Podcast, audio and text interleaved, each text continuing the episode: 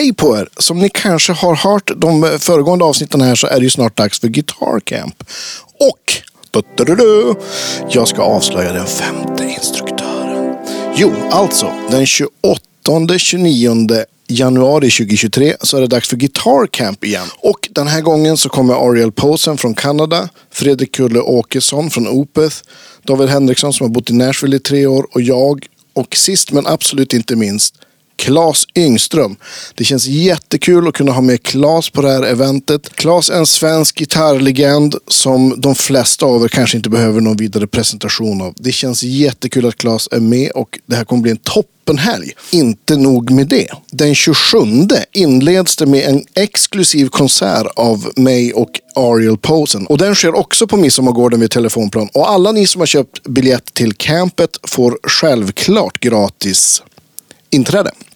Och biljetter för övriga som kan vara sugna att gå kompisar till er eller sådär kommer att släppas inom snart. Det kommer också vara en mängd clinics. Magnus Olsson kommer från Crafton, Dadario, Ebanes med mera. Putte från Line 6, Yamaha kommer. Det kommer några killar från Fitzpatrick, kanske Magnus och Johan.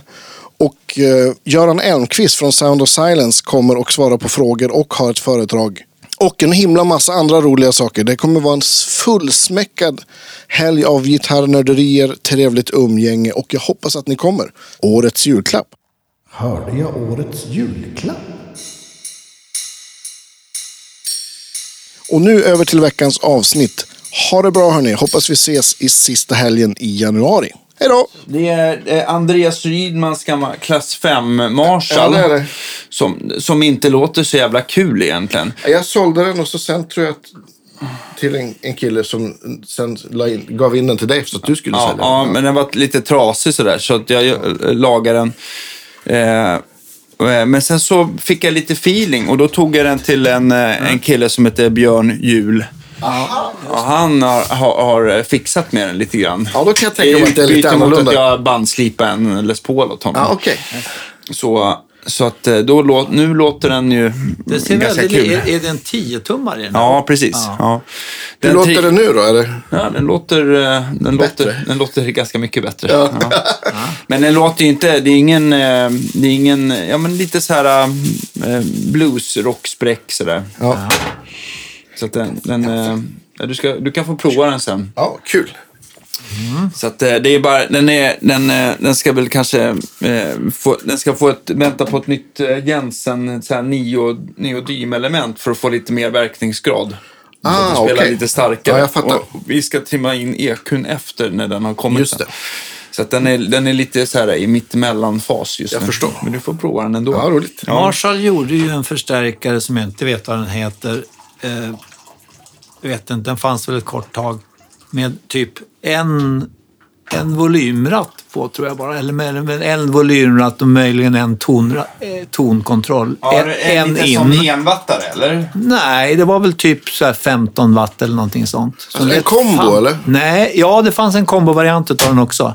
Ja, men, eller, den fanns ju som små toppar. För de gjorde ju en jätteliten eh, engelsk line med så här envattsförstärkare. Jaha. Så hade den volym och ton. Har inte du någon sån variant? Jag hade eller? en sån. Den, en sån där som jag ångrar att jag sålde. Ja, den lät rätt, de lät ju tufft de där. Ja. Ja, ja, det, framförallt allting lät ju skitbra. Du kunde ta vilken jävla eh, keck-pedal som helst och koppla in en sån här distortion box och lägga före. Jag vet inte om Så- du når ditt kaffe. Det där blir jättebra för, för mig, inga Men, problem. eh, Då får du flytta närmare. Jag kan ta mitt kaffe bara. Ja, hur som helst så lät, eller tyckte jag den där, eller den, det fanns en kombo och det fanns en med, och då var det en liten låda. Jag tror det var kanske bara en tolva i den.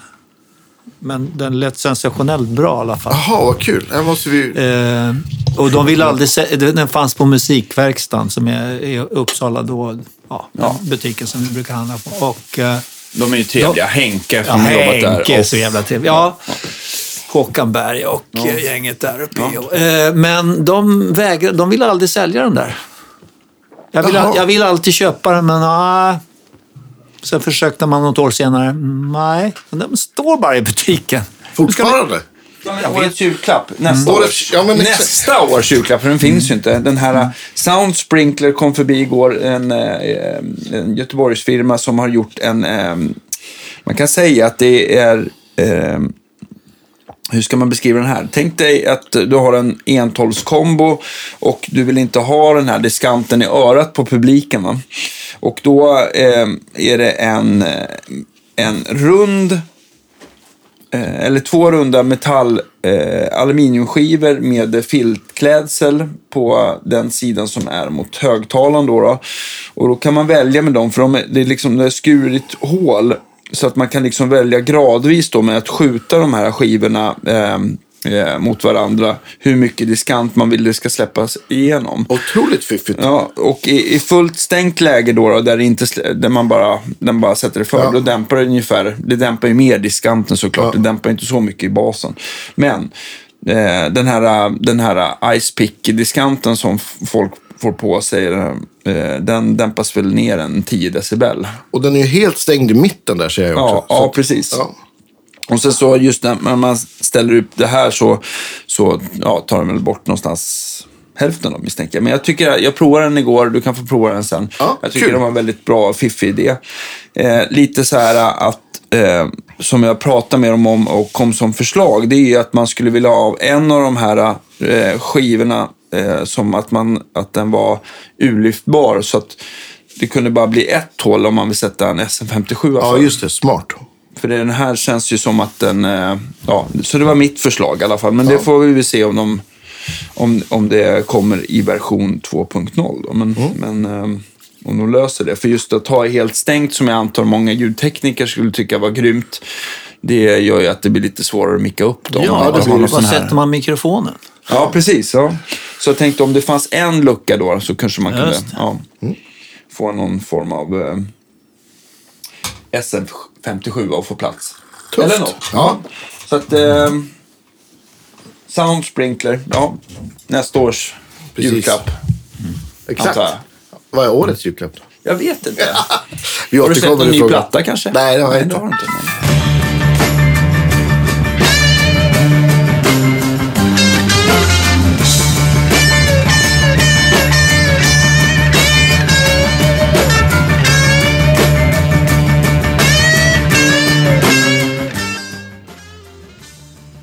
Men, gäst men då kanske- kanske det kommer eh, eh, så Roine Stolt, välkommen till vår podcast. Ja, Tack. ja. Jättekul att du är här. Verkligen. Har du någonting eh, som, som kan bidra till årets julklapp? till årets julklapp? Mm, ja, det vet jag faktiskt inte. Ehm, ja, nej, vi håller på att jobba med en skiva nu, med Flower Kings då, ska jag lägga, lägga till. Ehm, men eh, det kommer ju inte förrän... alla vill ju göra vinyl nu. Och göra vinyl, det gör man inte i en handvändning. Det, är, det, är, det är alltså. lite väntetid. Ja. Hur lång tid? Får man, törs man fråga? Eh, ja, eh, från början så sa alltså vi börjar den här processen, jag menar Flower Kings har ju gjort då 12 eller 13 skivor tota- studioskivor totalt och nu börjar de att återutge de gamla plattorna som går tillbaks till eh, 94, nej, 95 tror jag den första. Ja. Eh, och sen så har de, i början så lagade de två skivor, två LP, eller ja, CD, LP varannan månad. Okej. Eh, nu fick vi sakta ner det lite grann. Men det har kommit eh, totalt sex stycken varav tre dubbelplattor tror jag. Ja, Så vad det har kul. Varit, ja, det är kul. Men jag var ju så jävla smart för jag sa att eh, kul, sa jag, men när jag lyssnar på de här gamla plattorna så, så hör jag att det är, liksom, det är inte så bra mixat, allting. Och det är ganska komprimerat och eh, blir lite överstyrt när man komprimerar. Så att jag känner att en del av det här skulle vara kul att försöka mixa om. Ja. Eh, Men nu går vi så långt tillbaka i tiden så vi är inte så att säga datorbaserad musik utan nu är är vi tillbaka till... Ja, jag hade, jag hade faktiskt rullbandare. Ja, Okej. Ja. Så att de första plattorna de gjordes på rullbandare. Vad har du kvar de banden så att det går att föra Ja, över? ja. Så jag har ju läst allt om det här med bakning och sånt där. Ja. Jag hade faktiskt en bekant över igår, Hasse Brunjesson som är trumslagare i sammanhangsman. Han eh, var över med tejper och eh, vi försökte, han hade bakat då tejper som vi skulle föra över. Och det är för att den här, den här ytan då inte ska liksom lossna på något Ja, sätt? precis. eller? Ja. precis. För jag, jag testade att köra ett band och det, det, det, det liksom, efter en stund så bara... Oh, shit. och, sen, och sen stannar Ja, då, bandet. då blir man ju nervös. Ja, precis. Så då får man baka och det finns en procedur. Man kan läsa om det där på nätet eh, för den som har gamla band. Eh, Men som sagt, jag har haft min rullbandare kvar och jag har haft eh, A-dattar och jag har haft även Fostex gjorde även ett hårddisk-inspelningssystem som var som en, ungefär som en A-datt, fast 16 kanaler. Ja, ADAT, visst var det, alltså då var det mer så här VHS Ja, det var V-. V- VHS eh, och eh, Alesis, eller eh, vad heter det? Fostex kanske? Fostex hade jag. Eh, och den hade med synk och sånt där. Mm. Eh, men sen så kom ju Tasca med någon annan eh, standard, så de hade de här små, eh, små videokassetter. Jag kommer inte ihåg vad de Är heter. det ADAT då istället, eller, eller var det någon annan? Nej, alltså variant? ADAT, ADAT är ju de Den som har... stora. Det är Nej, som de stor, heter- DA88 heter de. tror jag. D88, stämmer. Och sen det- så DAT, då var det det man fick på så här minikassetter. Ja, men precis. Ja, Precis. Två, men det var De två första- kanals va? De första DAT var väl typ videokassettband? Eller? Och så sen ADAT. kom- ADAT, exakt. Ja, precis, ja. Och, sen, och D88 var de här mindre, precis. Ja. ADATen var ju som en VHS, som ja, gamla... Ja, Just det. Ja. Jakten på den försvunna skatten Ja, på exakt. VHS. Ja, men visst. Eller Flower Kings på VHS. Ja. Ja, åtta kanaler. Men, men är, jag, tänker också på, jag, gamla rullband vet jag att man får baka, Ja. men är det samma sak för även så här ADAT och den, Ja, det formatet? det, lär, det det, det lärde jag mig faktiskt här, här om veck, eller förra veckan. Läste jag på lite grann om det. Mm. Så det går även att göra. Var- Man kan hitta allt det här på nätet. Folk som har gjort och vilken procedur, vilken temperatur, eh, hur länge det ska bakas och så vidare. Vedugn eller vanlig? Ja, ja, precis. Lite varmare i. Ja, precis. In i pizzaugnen bara. Nej, men eh, ja, lite sånt där har jag pysslat med. Så att, eh, eh, ja, och det ju- har ju känts roligt att få mixa om det här och göra det lite bättre med lite bättre utrustning och bättre lyssningssystem och allting. Ehm, men, Men, samtidigt... men, men var ja. det också att man hade ett, du eller någon som mixade hade lite, det var lite annat ideal också hur man ville Ja, att men det var skulle ett låta? annat ideal. Eh, eh, Alltså det, går man längre tillbaka, så jag älskar ju de här, eh, om ni känner till bandet The Tubes. Ja, visst. Ja, precis. Jag känner inte Ja. till det. Men jag, Nej, jag de ju- de gjorde ju några plattor lite där. Pruttmusik heller. Så. Ja, ja. Ja, hur som helst. De gjorde, det var väl David Foster som producerade och eh, det var eh, ganska glassigt sound, men väldigt komprimerat. Okej. Och lite grann som Trevor Horns produktioner också var ju väldigt eleganta och ganska... eh, Frankie Goes to Hollywood, ex, de här eh, eh, Two Tribes och eh, Relax heter den andra låten extremt, alltså de har verkligen matat in det i kompressorn så att det är mätarna Det en- står, det står, det står stilla. ja, liksom. precis. Det är en, en härlig korv helt Ja, en enkelt. härlig Ja. korv Ja. och, och låter mycket mosigare än allt annat. Liksom. Lägger man på någon annan, någon gammal eh, Sam Cooke-platta så låter, får man nästan dra upp volymen. Det, det hörs ingenting. Nej. Och det där var ju ett ideal ett tag. Ja. Så att jag vet inte, man hakade på det på något sätt. Och tyckte att hur, hur kan vi... Det är bara mosa på kompressorn. Loudness war. Ja, loudness ja, war. men det var väl lite sådär att man, alltså det var, det var som att eh, man ville att det skulle låta så starkt med, på, så, med, med så liten effekt Ja, ja. som möjligt. Liksom. Ja, ja, precis. Och det, blir, det skapar ju ett sound. Men mycket av ABBAs sound var ju också liksom hur de har komprimerat allting. Mm. De var väl lite pionjärer på det som jag har förstått. det. Ja, det, det kan man nog säga. Jo, jo. Eh, sj- 70-talet. Jo, men alltså det var ju, de skapade ju ett sound med hjälp av naturligtvis instrumenteringen, men, Mm. men även liksom hur, hur ja, Micke Tretow då liksom Tryckte ihop det. mixade, tryckte ihop allting. Liksom. Så det, det lät väldigt bra på radio. Ja. Ja, hur som helst. Så, så där någonstans så var vi då i början med, med Flower Kings. Eh, eller jag ska inte skylla på någon annan, för det var nog jag som tyckte att det där var ett bra ljudideal. Va? Det tycker jag inte idag. Nej. Eh, så att eh, möjligheten att gå tillbaks till de här tejperna och, och göra det mer dynamiskt och att trummorna kan, en bastrumma kan få låta som en bastrumma, att det inte låter flat bara. Utan att det faktiskt är en, det, det låter som att det är en, Ett instrument. ja, ett instrument. Jag tänkte på, om man bortser från kompression och, och sound, Mm. eh, om man bara tittar på hur man valde att mixa till exempel gitarr kontra trummor och bas. Mm, Känner du någonting skillnad där, att man liksom tänkte annorlunda då mot hur du känner idag? Nej, pff, jag tycker alltid att basen ska höras. Alltså, det ska höras vilka toner man spelar så att det inte blir bara ett, ett, ett muller. Att, att det, en, en del gillar ju det här fylliga, bara det här bottenmullret liksom. Och jag, jag vill höra, trummor vill jag höra bastrumman så att den inte bara låter boom eller att det bara är, är, liksom botten. Utan vi- jag vill höra ett trumset som att jag hör varje slag på vir, virveln ska inte vara liksom jättestor och gatad och så att den är centrum på något sätt. Det, det. det är backbeatet liksom. Men, men sen vill jag ju att pukorna ska höras, sen vill jag att, att baskaggen ska låta faktiskt både fyllig men den ska också låta så att man hör ett tydligt tillslag. Ja, just det. Kanske speciellt i den här genren för att det är oftast de trumslagare som jag jobbar med, det en del har haft såna här dub, dubbla pedaler och sånt där. Det är liksom ganska intrikata baskaggefigurer. Va?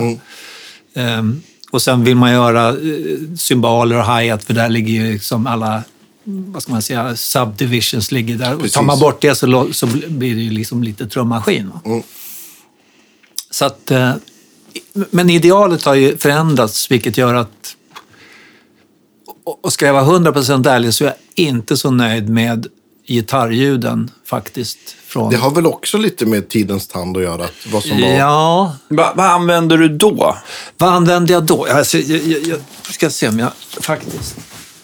Eftersom jag har lite dåligt minne. Jag skrev ner lite. Ja, vad kul. Det är bra. toppen. Men det blir bra. nej, Så men det blir det, rätt. Ja. Eh, det är så lätt att eh, komma ihåg fel. Eh, nej, så jag tror att i början med Flower Kings så hade jag gick igenom massa. Så Marshall hade någon sån här rörpreamp enrack-enhet. Känner ni det? JMP1, eller? JMP1, ja. JMP1, Yes. ja, just det, yes. En sån hade jag och sen hade jag, eh, köpt jag ett slutsteg som jag vet inte vad firman heter, Mosfett. Det står bara Mosfett stor, med stora gula. Ett väldigt lätt slutsteg, 2 gånger 70 watt. Uff, jag kommer ihåg dem där från Second Hand Music-tiden. Men vad 17 kan de hetet? Ja, men, Ja, ja, mm. i all- alla fall. Jag har kvar det faktiskt. Och det är skitbra. Ja, Vi har faktiskt använt det till att spela bas på också. Det är fruktansvärt. Alltså det starkaste gitarrljud jag haft någonsin. Det, då hade jag två Marshall-lådor och sen hade jag det här steget och det var förmodligen den här eh, Marshall. Just det. Så, så stark gitarr har jag aldrig någonsin spelat. Alltså aldrig live, men, men alltså i replokalen. Bara för att testa. Ja. Hur som helst, så det hade jag i början. Och jag tror att ljudet kanske inte var så tokigt, men det var väl kanske mera alltså, min, eh, vad ska vi säga, idé som, som eh, hur man placerar mikrofoner och Ja, sånt där. det. Så man petar in micken rakt in i konen, för det hade jag läst att det gjorde den, ja, Mm. någon som jag litade på då. Eh, och det, det blir ju inte så bra liksom. Jo, I men jag tror att jag hittade det där. Du har men, det, hittat det, det? men det heter väl Mossvalve? Va? Mossvalv. Och det Ah. är Tubeworks. Tubeworks! gör- Ah, Ja. titta! Tubeworks. Bra Danne! Ja. Ja. Bra! Visste vad vi skulle söka någonstans. Ja. Eh, de eh, betingar, de har ju liksom eh, gain och presence då, då, så att Ja, två rattar. Men, exakt. men de där, eh, ja man kan ju, jag såg ett nu på Reverb för eh, 180 dollar. Så att det är Det inte var ju så, billigt. det är ju nästan som man, Ja. Slå till. ja. Kan du köra båda 412 Ja, ja men, eh, men, Men vad hade du för högtalare? Kommer du ihåg eh, det? jag hade två Marshall-lådor och eh, det var ju, den ena av, av dem har jag kvar det var med den, det hade med sån här 25 watts greenback-element. Och den, den En, tycker jag, är, en den låter gammal, är det en gammal eh, Ritchie-låda tror du? Det är en reissue. Mm. Ja, det är. Den, så den är från, eh, kan det vara sent 80-tal, tidigt 90-tal, det vet ni nog Mm, Men det är engelskgjorda element i alla fall. Mm. Ja, precis. Ja, den låter bra. Ja, det den, låter, den låter bra faktiskt. Jag har kvar den. Ehm, så att det var vad jag hade då att spela in. Och sen, men sen, var det, kom det, sen kom det någon... Jag försöker tänka vilken ordning det var. Eller hade jag den? Digitech? Jo, Digitech kom med någon, någon apparat som hade alltså en, en rörpreamp i plus massa effekter. Just en två enheters... Ja. Men den heter Ja. väl GSP? Just det. Ja, Pat Metheny vet jag använde den där länge också. Det var- ja det är möjligt. Det var... Jag känner, kom, jag kommer ihåg det där från när man var och hälsade på eh, på Stones, när Ernie på Stones, han hade ju alltid, han är duktig på... Det senaste. Ja, senaste där, rack, det stora racket där. De kommer ihåg den där. Men Ett stort du- hjul på. Exakt. Körde du den också i, i det slutsteget då? Eller? Ja, och det här, det här dubbel, dubbelsystemet. Det, var, det var ju en period, jag vet inte varför jag körde alla de där grejerna, men det, jag fick för mig att det skulle vara så. Det, det lät ju bra, tyckte jag då. Det lät ju säkert, säkert bra, Ja. men, men alltså in, in, inspelningsmässigt så kanske det inte eh, liksom nådde hela vägen fram. Jag, Va- va- Vart spelade ni in då? Eh, vi spelade in i replokalen. Det fanns, det fanns liksom ingen budget. Sen mixade jag det på en studio i, i Uppsala. Då. Ja. Eh, men så jag hade väldigt enkla grejer Ja. att spela in och sen så, köpt, sen så allt eftersom man började sälja lite plattor så investerade jag lite bättre Ja. eh, mic preamps och sånt där. Säkert sånt som spelar in också. Absolut. En dålig mic preamp kan ju liksom förstöra ett ljud också. Ja. Så Men, att, eh, men eh, jag tänker bara att ibland, ibland så får man, det här är ju liksom inspelat då, så att det är bara, du får bara, du får tänka det som att det är ett tidsdokument Ja, det, det, Att så det lät är jag det. då. Nej, ja, så lät jag då. Och de, när jag har mixat om nu så har, man, då har jag liksom försökt lyfta lite grann i low mid och Ja. så man får liksom lite kropp, lite, lite mer kropp i ljudet. Men jag, är inte hundra nöjd med de gitarrsounden som är där. Mi- Mixar du själv då eller? Ja, jag, Ja. jag har mixat allting. Ja, kul. Eh, ja, så att säga. Så att jag har gått igenom en, en, en hel del. Det är ju en hel del Marshall-lådor ser jag här. Och sen har jag, hade jag någon, eller jag har fortfarande kvar en Fender Vibrolux. Hela min karriär startas med en Vo- Vox AC30, så det är en ganska bra Ja, start. ja men visst. Och, och sen hade jag en Fender Blackface också, som jag också tyvärr gjorde mig av med. Den Vibroluxen, är det en Silverface eller? Eh, det är en blackface. Mm. Den, den, den kan låta... Den är lite svårtämjd. Ja, just. Uh, lite bero, beroende på vad, vad man petar in. Jag har inte använt den nu. Jag spelar med ett band och Jonas Isaksson har använt det lite grann. Han var, han först, nej, tyckte han. Sen hade han något nytt pedalbord. Då var han helt lyrisk över hur det lät. Ja, men just, just sådana här blackface-förstärkare, det är lite, man får, om det gäller distar och overdrive, då får man ju verkligen... eh, Ja. Alltså ibland så gifter det sig så otroligt bra, Ja. ibland så låter det så Nej, men fruktansvärt precis. illa. Pre, pre, precis. Ja, är lite, Så- häng, de är lite hängmattiga på, på eller ja. Ja, men alltså det, hur, hur de tar pedaler och sånt där, det är väldigt mycket pillande och så. Ja, Och tidigt i min karriär, då hade jag ju... Ska vi se, det var ju när jag kom med Kaipa. Då, då hade jag fortfarande den där Fender Blackfacen. Sen så fick jag för mig att jag skulle byta till en Fender Twin. Eh, och det var de här som kom Ja, slutet. just det, det, här måste vara master 70, volym. 74, 74 kanske. ja. De var, den perioden var inte bra. Nej. Nej. Och så jag kommer ihåg när jag kommer till replokalen med min, då har jag gjort mig av med min Fender eh, Bassman Blackface och en, en 212 lå, typ, ja. låda med eh, två 15-tums JBL Aha. tror jag det var. Också fruktansvärt volymstark. Så jag tänkte att det här blir bra med en kombo. Kommer ihåg när jag kommer ner till replokalen och har köpt den här förstärkaren, Mm. liksom, och det är definitivt. Och sen så var så jävla missnöjd alltså. Ja. Jag var gråtfärdig för att liksom, jag Åh, tänkte, vad, vad har jag gjort? Och jag kunde inte gå tillbaka till affären och säga, det här, jag hade säkert en jättesnäll farbror som jobbade där. Jag kunde ha sagt att tyvärr, det här funkar inte för mig. Men jag hade inte kurage att göra det. Liksom. Och då får man ju börja med det här pilla med lite olika pedaler och så pilla, pilla, pilla. Till slut så, så fick jag väl till någonting i alla fall. Eh, Så, så att Fender kan vara Ja, det kan vara skitbra och det kan vara för rena ljud jättebra. Men Ja. just med, med dist upplever Men, jag. men det är så, ofta så tänker man inte på det, men många av de där äh, gamla, jag tänker på eh, eller JBL-element Ja. satt där och så hade de en dustcap i mitten i aluminium. Man såg ju Just det. ja. Och den, äh, när man sätter lite dist på den, Då fräser det. ja, då, är här, då är det... Ja. ja, Då behöver man inte köpa revaxör i alla fall. Nej, nej, precis. Precis, ja, det händer någonting där. ja. Ja, Nej, jag fattar. Ja, ja. de, ja men så, så har det varit i alla fall. Men, eh, så, men starkt var det i alla fall. Ja. ja, Ja. starkt. Starkt. eh, Och det är väl... Många gånger så har man ju haft, alldeles för starka förstärkare liksom, för, för de sammanhang som man har spelat i. Så att... eh, Och mycket att släpa på sig, Ja. tyvärr. Men, men hur har du gjort då du har, då du har rest? Hade du, Har du tagit med dig, jag menar, när du hade JMP1, den går väl att slänga med i en väska, men har du liksom, pe- eller hur, hur, gör du i dagsläget? Har du ett pedalbord du alltid har med? Eller? Eh, Du menar nu för tiden? Ja. eller? Eh, Ja, nu för tiden så reser man ju liksom mest i turnébuss eller också så Ja. åker man ut till flygplatsen och så. Och, och, och det är då som det är lite kritiskt att man vill ha någonting mindre. Så Mm. jag har alla, alla former. köpte någon sån här stort jävla eh, pedalbordscase som jag, som jag liksom har satt upp i princip alla pedaler i. Ja. Eh, det har jag haft med vid något tillfälle, men man ledsnar lite på det också. Så att, ska jag vara 100% ärlig så är jag li, lite nyfiken på... Jag har inte provat, ni har säkert provat, alla de här nya eh, kompakta, jag kommer inte ihåg vad, Neural finns det någon som Ja, heter. Ja. Quad Cortex. Precis. Ja, det är ju det är ju mer som, ja, det är ju som förstärkar.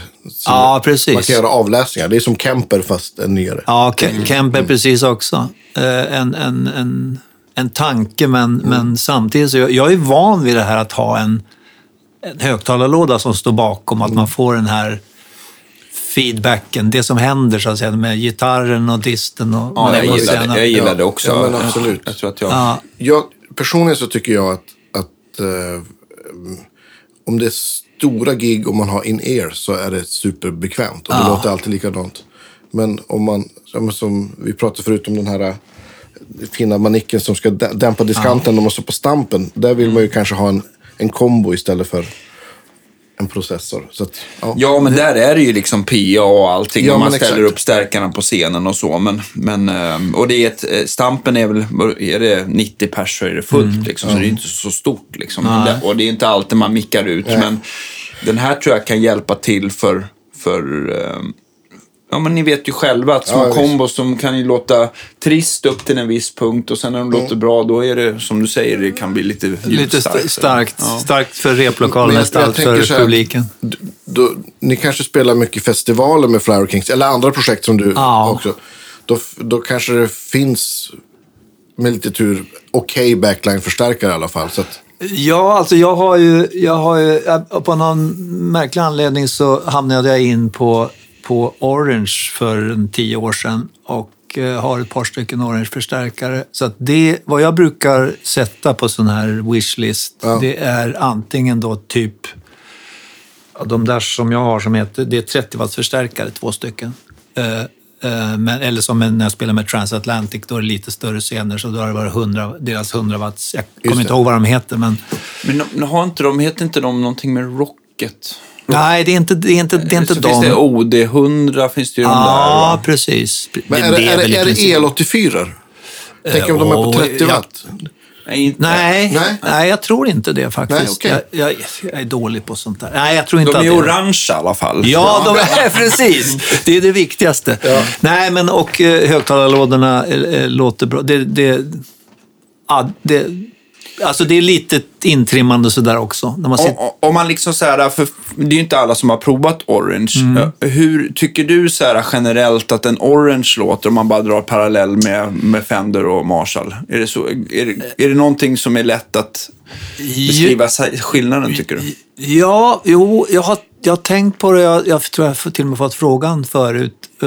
Hur beskriver man orange-soundet? Jag upplever att orange-soundet är någonstans kanske mitt emellan en bra Marshall och en bra Vox. Det låter konstigt att säga det, men faktiskt. Inte lika komprimerad som Voxen och inte liksom lika... Eh, Nej, den lite har... mjukare den, än den Marshallen kanske. Ja, precis. Den har lite, lite mer sparkle sådär om man vill. Så har den lite mer de här över, det här liksom fistlet som kan vara önskvärt ibland, men ibland är det inte så önskvärt. Eh, och sen har den kanske lite bättre på något sätt något bättre mellanregister än vad Marshall har. Det är jävligt svårt att...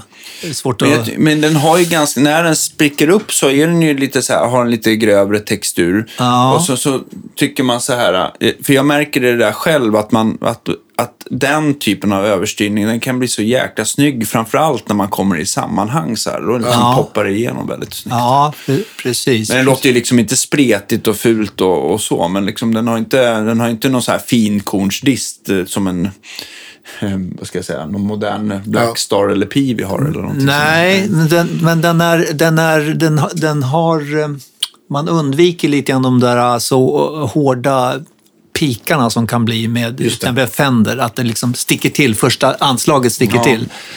Eh, utan det är liksom lite krämigare.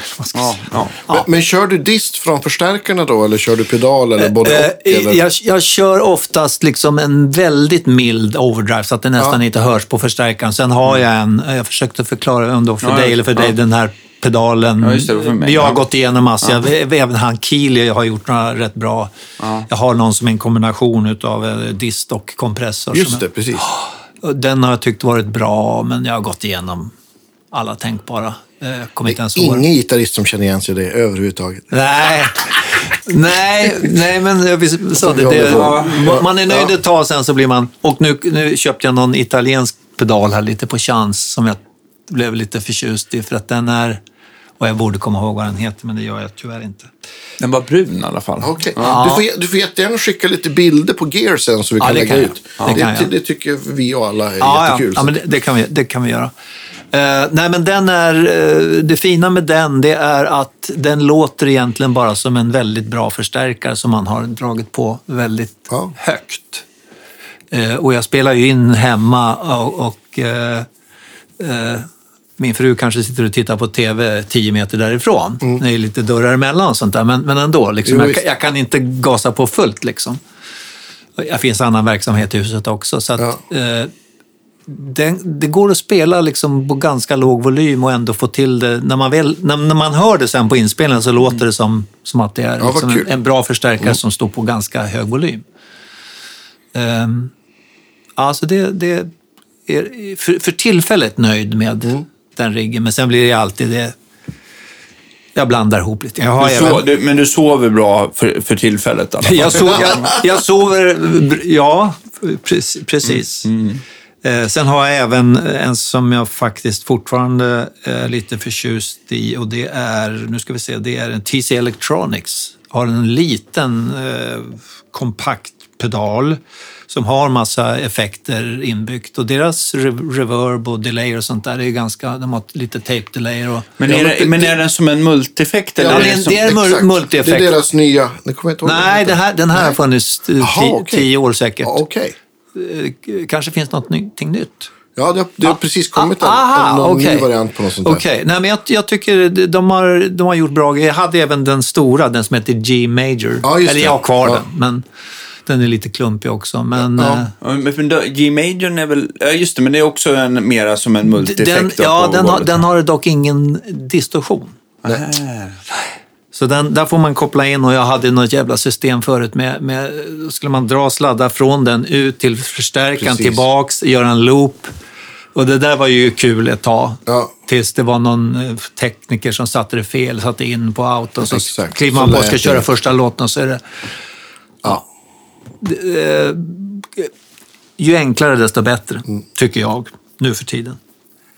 Eh, Men, Jag försöker, men- jag försöker surfa här lite på... Ja, eh, t- t- hur som helst, den här TC, um, uh, jag kommer inte ihåg vad den heter, den lilla pedalen där, den, den har en in- inbyggd som faktiskt är, den är Jo, bra. men är det inte den som heter eh, Nova?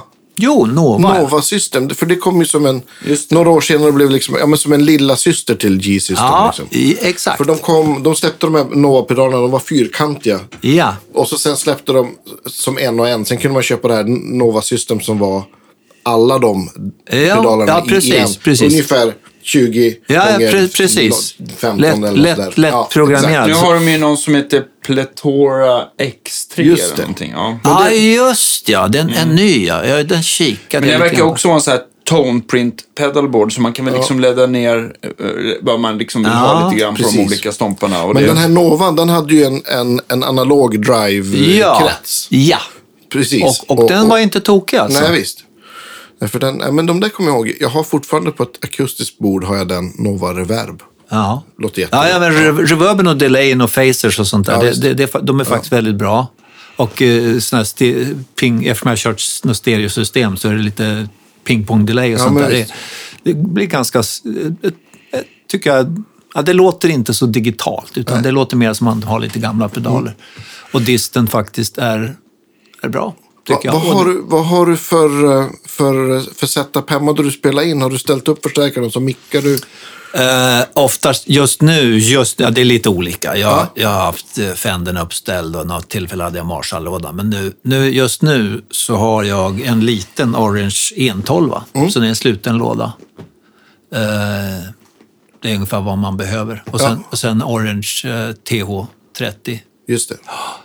Så det är just för tillfället ska jag säga. Ja. Så, men, men det är litet, litet och kompakt och, och eh, Va, vad mickar du med då? jag, jag, jag vet att folk brukar micka med Shure-mickar, men jag mickar med en Neumann-mick faktiskt. Ja, det tycker jag Eh, väl låter... TLM 103. Just det. Ja, en stormembranare som är visst. lite flackare sådär. Ex, ex, extremt, eh, tål extremt hög ljud. Nu blir det inget extremt Nej, högt men- ljudtryck, men, men, eh, det går att sätta på en baskagge eller något Ja, men sånt visst. också. Jag, jag tycker den micken är fruktansvärt bra. Det, det, som allround, alltså. Jag, jag hade den som vokalmick förut, nu har jag en annan. eh, En, eh, Telefunken tror Ja, jag. men den är ganska ofärgad och... och, och Exakt. Ja. Den, den, den, är, den, den lägger inte till någonting utan den, eh, den höjer inte basen, den höjer inte diskant, den lägger inte till något eh, smickrande skimmer eller någonting sånt där. Utan man får flytta den tills, tills det liksom, man hittar den här sweet spot. Men den har, liksom. inte, den har inte, som en SM57, de har ju liksom sin, sitt sound lite grann. Den här, har ju, den här är ju väldigt Mycket neutral. liksom. precis. Ja, precis. Ja, den, eh, SM58, SM57 och, och betan där, de, de har ju en presenshöjning som många kanske gillar om man vill ha på gitarr. Så man behöver inte skruva så mycket, man placerar in den så får man den där lilla, att gitarren liksom klipper igenom på något sätt. Ehm, men nej, jag har inte funderat så mycket mer på det. En del kör med bandmickar och sånt där och det, det, det, låter, låter ju också bra. Men... De gör ju tvärtom. De är ju nästan Ja, så att de ja, trubbar av istället ja, uppåt. ja, sådär. Så då brukar vet man ju, då så brukar att de- man ju mixa dem där mot varandra. Ja, men man, exakt. Så man var noggrann och ställa dem lika långt från konen så att det inte blir Precis. fas. Exakt. Och det, det är också någonting som jag gjorde förut, körde med, eh, därför att man läser vad gör andra? Jo, de kör med de här och så ser man liksom fem mickar på en. Och sen så när man sitter och ska mixa det där och och upptäcker att det liksom blir, hur man än gör så, det blir fasfel. Ja, ja, det, det blir fasfel. så... Eh, precis, i- Det, alltså, man, man hör den där vridningen på något Ja, eh, du hör, som- du hör den och du hör det, vissa frekvenser kan dippa ner på grund av att den, du ska mixa ihop den micken med den där micken. Eh, Jag vet inte, jag har slutat med det. Jag kör så en- där blir det ju problem om, om mickarna står relativt nära varandra. Alltså, Men till slut så kom, kommer de väl, då blir Ja, ja, avståndet men- så långt ifrån så det kan en- man, då blir det mer som en, kul rum, en rumsmick. Det, kan, det kan ja. man ha. Det kan man ha. Absolut. Dagens tips, det finns... Jag som är... Jag gillar... Jag kör Royer och 57 ofta. Mm. Det finns en mickhållare som är gjord så att man bara sätter liksom Ja. 57an fram till det är liksom en... Kanten där liksom, det man kan skruva av, vad heter det? Det tror jag såg, ja just det. Dustcapen. Så man sätter den liksom bara mot. Ja, Den, och då är det liksom 100% fas. Så då behöver man aldrig testa. ja. Så det är ju faktiskt för mig en Mycket bra. tidssparare. Bra Ja. innovationer. Ja, verkligen. Dagens, dagens tips. Det går framåt. Men om man tänker, alltså, eh, Back in Black är ju, det är också Neumann, jag vet inte vad det är, om det är Då fan- U67 eller... Ja, precis. Men det, det är ju någon av, då är det mer någon av de gamla klassikerna. Ja, men. TLM 103 tror jag kom alltså typ på 90-talet Ja, men någonstans. Men sådär. det, kan man ganska, säga att det är en modern classic då? Till M103. ehm, Den finns ju en och är ju superbra och Mm. används så många. Ja, men jag, jag tänker på de här... äh, Jag har för mig att det är en, en äh, TLM 103. Den, den skulle ju vara lite mer budgetvänlig, men den, den, äh, den De- var ju otroligt bra. Alltså. Ja, jag men- vet inte vad de ligger på nu, Ja, men det är nog under 10 fortfarande, va? De låg på nästan 15 när de kom, Aha, okej. när jag köpte den. Men sen så, så har de ju dippat priset och eh, Okej. kanske... Jag tror det, det är nog bra pris. Ja, eh, under 10 i alla Ja, fall. ja, okej. Mm. Och det, det tycker jag nog är ett bra pris. För Det som är roligt sådär, nu, nu eh, när jag gick på ljudteknikerutbildning ute hos Claes där, då Mm. var det det, var det, det som var roligt när man jämförde, to, alltså man kunde mäta på mickarna. Mm. Så hade man ett ljusbord och så la man alla tonkurvor på varandra. Så var Ah. TLM 103 och eh, Neumann-mickarna, de var alltid, det blev en kurva. Ja, vad roligt. Men AKG och lite andra, Ja. det var alltid som att det blev någon så här skiftning. Så de har verkligen så här, de verkar ju veta hur man gör konsekvent, ja, matchade. Spitzenklasse. Ja. Ja, tysk eh, noggrannhet. Ja, precis. Ja, men visst. Precis. Men, eh, så det var de väldigt bra på. Men har du hittat någon sån här preamp som du kör in den här i som du gillar då? Eller Eh, vad kör du i dagsläget? Ja, ja jag har jag har haft lite tur. Eh, Det, det slumpar sig så att alltså det finns en firma som heter Millennia i, i eh, USA eh, och eh, som gör ja, top of the line mic preamps. Och de, alltså jag tror han mest har gjort till mycket där symphony halls det. runt om. Jag vet i alla fall när, när jag köpte den här, jag fick köpa den för ja, jät, jättebilligt. Eh, sa du får inte säga någonting, men du får bättre pris än Donald Fagen och Céline Dion och så vidare. De har råd. Eh, sa- Sales talk, men, men, ja. Ja, men de, det var ungefär vad han sa. Ja. Nej, men det slumpade sig bara att han gillar Flower Kings. Och, Ja, vad kul. Ja, Ja. ja. Eh, men så Millennia har jag, har den har jag haft, ja det är 20 år nu tror jag. ja, kul. Eh, så jag kör faktiskt, det är ingen kompressor eller någonting, utan jag kör bara mic preamp. Det finns inga tonkontroll eller någonting på den. Det är bara åtta kanaler. Eh, Less is more, Ja. säger vissa. Ja, Ja, precis. Och, eh, så jag kör in det. Sen så kan man ju välja då om man vill komprimera och EQa sen ljudet. Så att säga. Sen har jag även haft, eh, Avalon har ju en, en som är en sån här, vad ska man säga? Channel strip. Channel strip. Eh, Den har ju kompressor och EQ och sånt i, så att den, den har jag ju kört. Och på sång kan jag väl köra den ibland.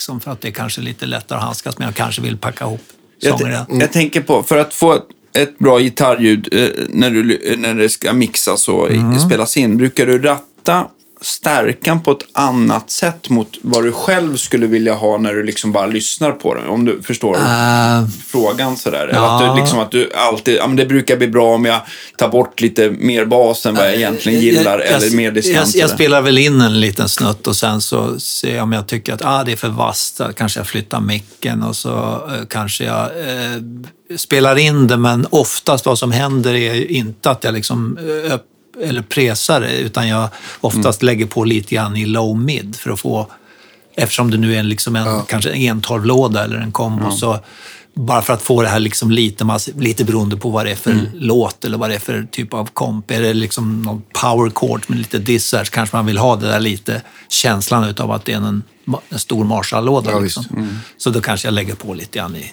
i inte i absoluta basen, men i ja, 150 hertz eller någonting sånt där bara. För att få upp det li- lite, lite till kropp. det lite. Mm. Ehm, Men, eh, och sen kan man ju välja liksom om vill man ha delay eller, eller reverb eller Vissa saker kan det vara, som phasers och sånt där tycker jag är snyggt när det går, kommer före förstärkaren. Mm. Ja, på, något, på något vis. Ja, verkligen. Ja, Ja. det tycker jag. Många effekter egentligen. Alltså både phaser och eh, jag tänker på chorus kan vara snyggt innan. Mm, absolut. Det kan vara snyggt efter disten också givetvis. Chorus funkar både och tycker jag. Men, Chorus har jag faktiskt aldrig använt efter ja, de senaste 20 åren tror jag. Nej. jag hade ju- Fa- Phaser är ju coolt. Det är en annan... Ja, annan ja precis. Det är något helt jag vet annat. inte, det är säkert inget fel på chorus, men det är bara... Flanger är också en sån där effekt som jag kan... e- Extrem effekt någon gång, men nej, jag vet inte. Chorus överanvändes väl ganska mycket på liksom, Ja. 80-talet. Så jag kan...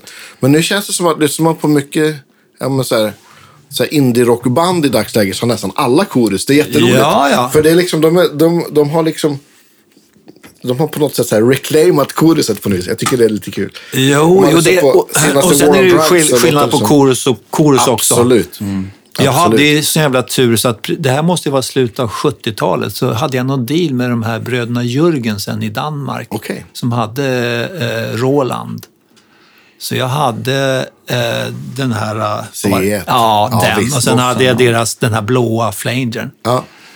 Och sen hade jag faktiskt en gitarrsynthesizer som de gjorde. Roland, Ah, den, coolt. den, den första. Ja. Jag var till och med ner och demade det någonstans. Jag, kommer, Okej. jag, var, jag var i Dan, jag kanske var i Köpenhamn, Malmö i alla fall vet jag, Göteborg tror jag. Väldigt märklig gitarr. ja. Eh, ja. Vad, vad heter det? Har du pedalerna, jag fort, I och med att jag också spelar in mycket. Har Mm. du pedalbord så här uppställt eller plockar du in lite efter vad du ska göra? Nej, jag, har- jag har inte... Ja, ju, just nu, idag eller igår, eller ja, Ja. precis nu, så har jag bara ett, ett litet pedalbord och på den får se. Jag har, jag har den här eh, TC, lilla TC-pedalen. Mm. Eh, och sen så har jag den här italienska pedalen som jag inte Ja, kan komma ihåg än. där. Och sen har jag även den här uh, Keely, den här bl- ljusblåa Keely-pedalen, en Drive. That's it. Och en, en, en Wawa brukar jag ha ligga fram också. Men, men jag tänkte på den här Keely-pedalen, det är någon av hans egna modeller och inte Ja. hans... Alltså för han gjorde ju väldigt många att han byggde om Boss-pedaler. Nej, nej, nej, nej. Det, är, han- det är hans egen, egen modell. Jag, hade, eller jag har även hans, en, en, eh, ja, en kompressor som han gjorde. Kommer inte ihåg vad den heter. Men eh, det låter, de låter bra, tycker jag. Både, både den disten och... Men det är liksom lite, vad ska vi säga, lite mera dist. Alltså. Den italienska här, den är mera liksom bara en... Känns som en skön vox som man drar på lite grann och det börjar Ja. packa ihop liksom. Ja, fränt. Det här måste vi... Ja. Du, du, får, du får skicka en bild sen. Jag Ja, ja, ja, men men vi, vi har ju faktiskt inte pratat om gitarrer än. Vad- Nej, just om det. vi, om vi, om vi tänker i dagsläget, vad är liksom go-to-gitarren eller gitarrerna? Uh, Goto-gitarren. Min absoluta nummer ett Goto-gitarr är en Fender Telecaster Thin Line. Ja, Fast det är egentligen inte Fender Telecaster Thin Line längre. Eh, jag, var in, jag var in hos Björn Klern och skulle var på väg att köpa en, tror det var en Trini Lopez. ja. Eh, Men sen så hängde det sladdar ut och han, som Björn sa, ja, han vet, jag ska kolla på det där och fixa ja, pr- pris. Ja, jag vet inte riktigt än. Så jag är på väg ut ur butiken och sen så står det en ett, eh, Fender Telecaster. Var det här i Uppsala eller var det Nej, i... det han är eh, bort, eh, Kat, Katarina. Ja, mm. Ja. Eh, Så står det en, en Fender, eller ett par stycken såna här Fender Thin Line. Och de kostar väl 8-9 tusen då, tror jag. Mm. Så jag är på väg ut och så ser jag den där bara, så lyfter upp den så här. Grung, grung. Och känner bara, åh, liksom, Ja, det, sjunger, det sjunger om den här gitarren. Det var liksom, rung. Lite Spinal Tap, men bara, wow. Hur länge? Wow. ja, eh, sätter jag mig ner på en förstärkare, så här, jag, jag tror inte jag kopplar in den, alltså bara så spelar lite grann. Sen går jag fram till disken, jag tar den här. Jag vet inte riktigt varför jag köpte den. Jag var inte alls, fanns ingen plan på att köpa någon, någon Telecaster Nej. alls. Men den var bara skön att spela på. Så tänkte det, ja okej. Ehm, sen blev det att jag spelade mycket på den. Eh, och sen så blev det så att jag kom i kontakt med de här True Temperament Just det. och eh, Anders Tidell där som tyvärr gick bort. Rest in peace. Ja.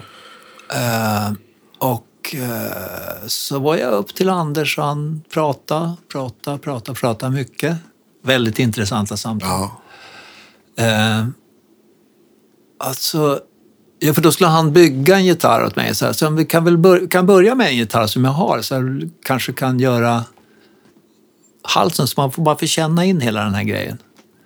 Eh, och så gjorde han det. Då gjorde han, plockade han av greppredan på den här telen då och uh, satte dit en ny greppreda och förlängde. För jag sa jag vill gärna ha... eh, ja, 22 då. Ja, precis. Eller vad är det på en, en tele? 21. 21? Nej, jag, jag fick 24 på min. Ah, okej.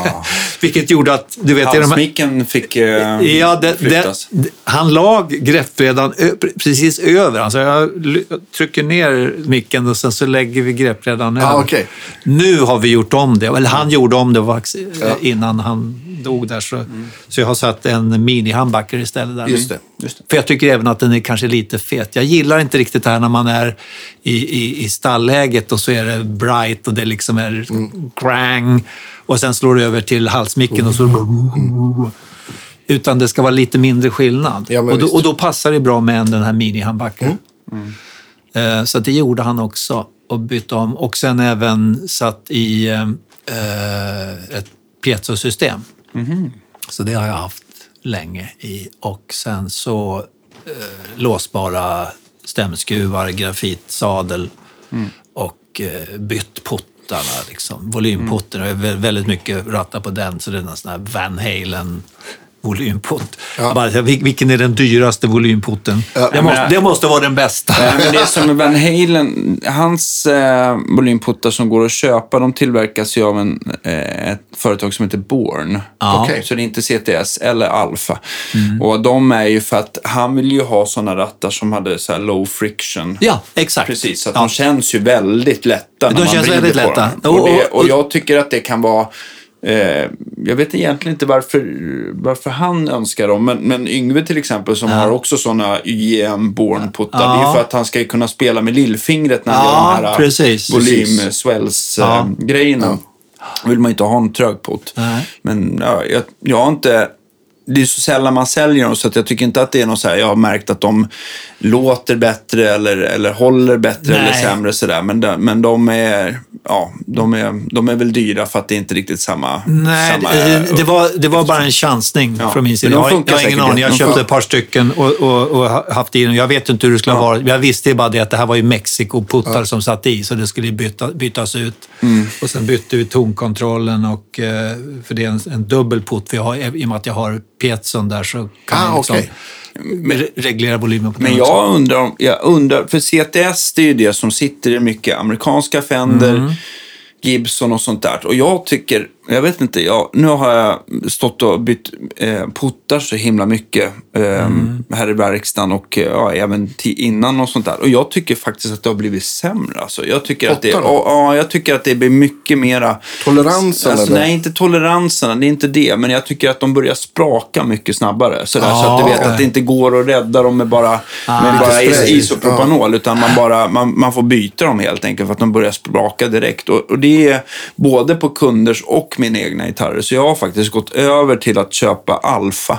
Som sitter, och Alfa är ju egentligen en billigare putt. Jaha, ja, ja. Och- Men de sitter ju i alla... Och det, för, eh, som och, förstärkare Olsson och de, Ja. det är många som använder dem Ja, där det- för att jag antar att de är. Men jag tycker att de verkar hålla, i alla fall i det avseendet, bättre. Okej. Och det finns ju också med olika axel och dimensioner och tröghet och sånt Just där. Ja, just Så det. att eh, Just det. det. går att beställa. Men, och jag, möjligt att Born också eh, Ja, alltså, håller bättre. För, men, för men, mig var det inte superviktigt just det, men det, det kan ju vara bra att det är, det kan vara både och. Ibland så vill man kanske inte att den ska vara så lätt, så att säga. men ibland så, ja. Jag, jag tänker på jag som spelar mycket Stratocaster. Då Mm. är volymkontrollen är ju mycket mer lätt att, att komma åt Ja. med, med handen. Till skillnad Mm. från en TLS volymkontroll som ligger liksom, det är en switch emellan och den ligger lite längre ifrån. Så där, där vill jag gärna ha en liten trögare putt sådär. Men jag, Ja, jag, eh, ja, nu har jag gått över till Alfa och jag ska kolla. Börjar de också så här spraka inom något år? Som jag tycker mina CTS har gjort. Jag fan, jag har fått byta och jag spelar ändå inte så mycket längre. Men, men, eh, Ja, men det, eh, det låter ju... Undrar varför det är så då? ja. De, Nej, Det, de, det, det, kan ju se, det kanske är jag som har haft otur eller kunderna eller jag har fått dåliga leveranser. Men, men eh, ja. Är det inte så också om en gitarr står mycket, att det liksom kan... Att Nej, Jag har ju mina, jag, jag provar ju mina hela tiden här, eh, varje vecka liksom. Så att jag, de hänger ju här liksom. Folk provar stärkare, och- inklusive jag själv. Och, ja. Ja, jag vet så inte. de är, ja. det är inte att de, men självklart att de står länge så kan de ju dra till sig damm och, och, och ja, lite grann så. Men jag tror inte att det är... Ja, hur som helst, så, så, så den där, den där, eh, ja, vad ska vi kalla det, mod, Förlåt. moddade Tel- telen. telen, den, den ans, används ju mycket. ja. Men så, vad, vad, vad tycker du om... äh, Du bytte ju till True, True Temperament. Mm. Har du fastnat för... Ja, jag, jag har gjort det och eh, sen gjorde han även en jättefint jobb på en eh, 335 Ja. som han gjorde. Och han till och med, liksom, du vet, det är såna här eh, vita bindningar på Ja, sidan visst. på den. De, de satt kvar, så han lyckades karva ur Just det. Ja, och, och satt fantastiskt jobb alltså. Eh, och, eh, och det är en ny 335. Jag, hade en, jag har haft några 335 men jag hade en 66 tror jag en gång på, ja, när jag var tonåring. Ja. Men eh, det här är en ny, men det är någon custom-modell. Men jag har ingen superrespekt för det, så jag har ju satt på såna här låsbara eh, tuners och sånt på just det. Lite grafit. Det ska, den ska gå att spela på. Jag menar, det, det, ah, det är ju inget jättevärde i en sån där i alla fall. Det är, en, det är en bra gitarr, men det ska gå att spela på. Sen så gjorde han även en strata som jag har, en custom strata. Uh, Så tre stycken har han gjort. Uh, Och jag skulle gärna göra på akustiska gitarrer också. Men jag, där är, jag- har jag velat, för jag har inte, jag har inte vetat riktigt om jag ska eller vilken, vilken akustisk gitarr. Jag har en, en, en som jag spelar in med en Guild, ganska sån här jumbo. Just det. Mm. Ja. Men jag är inte hundra nöjd med den. Jag tycker inte att det blir riktigt så bra. Eller det är inte riktigt det ljudet som jag vill ha. Så jag lurar på kanske en mindre. Mm. Det. Martin, någon, alltså med en mindre kropp. Ja, För- alltså mindre Ja. bas. Är det att den blir för, den blir för bumlig? när Ja, man den blir för bumlig. Och, och jag, jag tänkte, alltså, även, även Gibsons, de här J200, tycker jag låter... Det är en helt annan clarity i, i dem än vad det är i den här gilden. Gillgitarrerna, eh, jag tycker många låter fantastiskt bra, men Mm. de har ju oftast, de väger oftast, en, de kan vara ganska tunga. Mm. Och jag har för mig att de har karvade bakstycken så, och det och lite annat som gör att deras konstruktioner blir lite extra tunga och sånt där. Men de, de ja. Ja, det, det, det, det kan vara så. Men, men alltså, det är ju, jag, jag har inte varit hundra nöjd med Jag har haft den i 20 år. Men, men jag tänkte, ska jag, ska jag verkligen sätta på True Temperament på den? Kanske ska köpa en J200 och sätta på, på, på det istället. Just det. Men, och sen så spelar jag inte live heller, så väldigt sällan faktiskt akustiskt. Så att, eh, det blir mest att köpa. Är det därför du använder piezo på din ja, tele till ja, exempel? ja, precis. precis. Och Sen, jag har ju piezo, jag har även en, en amerikansk eh, gitarrtillverkare som gör en gitarr som heter Jet. Och det låter lite suspekt, men en jättefin gitarr som han specialbyggde enligt mina Ja, kul. Mina specifikationer. Jag kan skicka bild på den också. Jättegärna. Och den, där har jag också satt in en piezo. Och har jag någon mer som en piezo? Ja, sen har jag en Parker naturligtvis. Just det. Mhm. Parker Fly.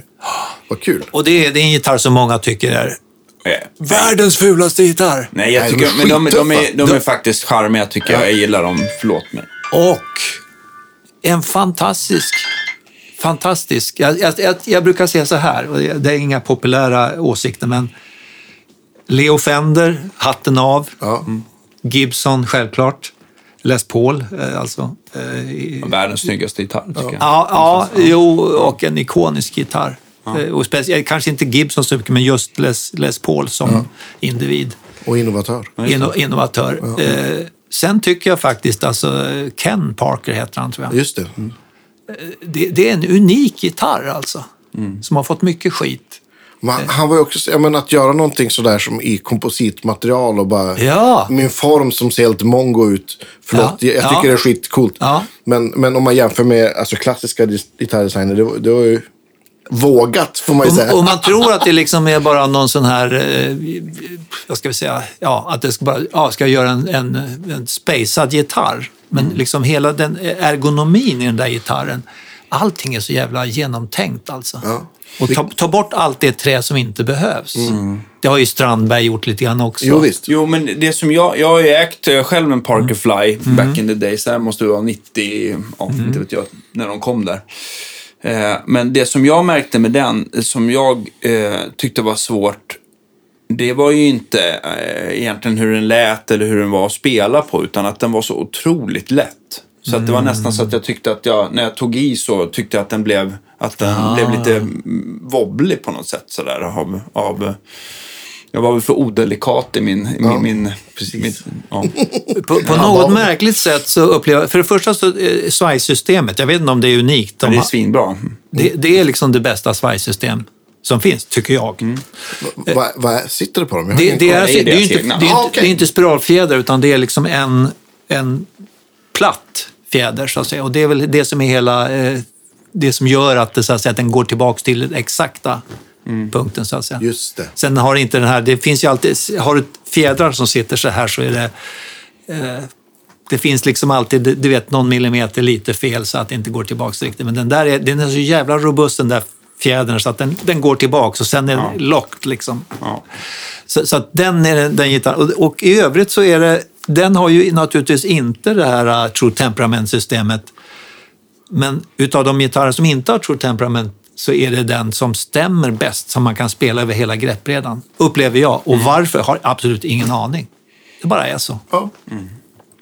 Så det, är, det är en jättebra gitarr. Det tråkiga med det, tråkiga mickar. Jag, jag fick den när den var precis ny. Det, det, visst sitter det några DiMarzio i dem där va? Från, De är från inte start. roliga alltså. Nej, lite, de känns lite, eller jag vill minnas det själv, att jag tyckte att de mickarna var lite som att man la lite någon filt över. Ja, den har lite, liksom, det är attacken på något sätt som är lite... Det, det, det, spelar man någon eh, smooth jazz, liksom, då är det säkert en underbar gitarr. Eller om du står och kompar någonting och det liksom ska bara fylla ut lite grann. Men, men som sologitarr. Men å andra sidan, jag har ju lyssnat lite grejer som jag har gjort, inspelningar och, och eh, videos och sånt där. Eh, Så tycker jag inte att det, jag upplever inte så, ljudet så dåligt som jag tyckte att det var då. För jag ville ju byta mickar, va? men då, de är ju för djupa för att lägga in i... Nu har det kommit. Jaha, det har kommit Ja, utbyte. ja, Ja, det har för de är, kommit. de är lite speciell design på dem där. Ja, alltså. du kan inte sätta i en vanlig handbacker i, Nej. i den för att den är, i- gitarrkroppen är för tunn. Ja, just det. Ja, som sagt, så det, det, det, har jag ju haft och eh, ja, eh, gitarrmässigt annars är det... Jag lyckas komma över en ES 175 och jag tror att jag tror, för jag har tittat i de här Gibson-böckerna, den har alltså två mickar, men jag tror att det är en modell som hade bara en mick.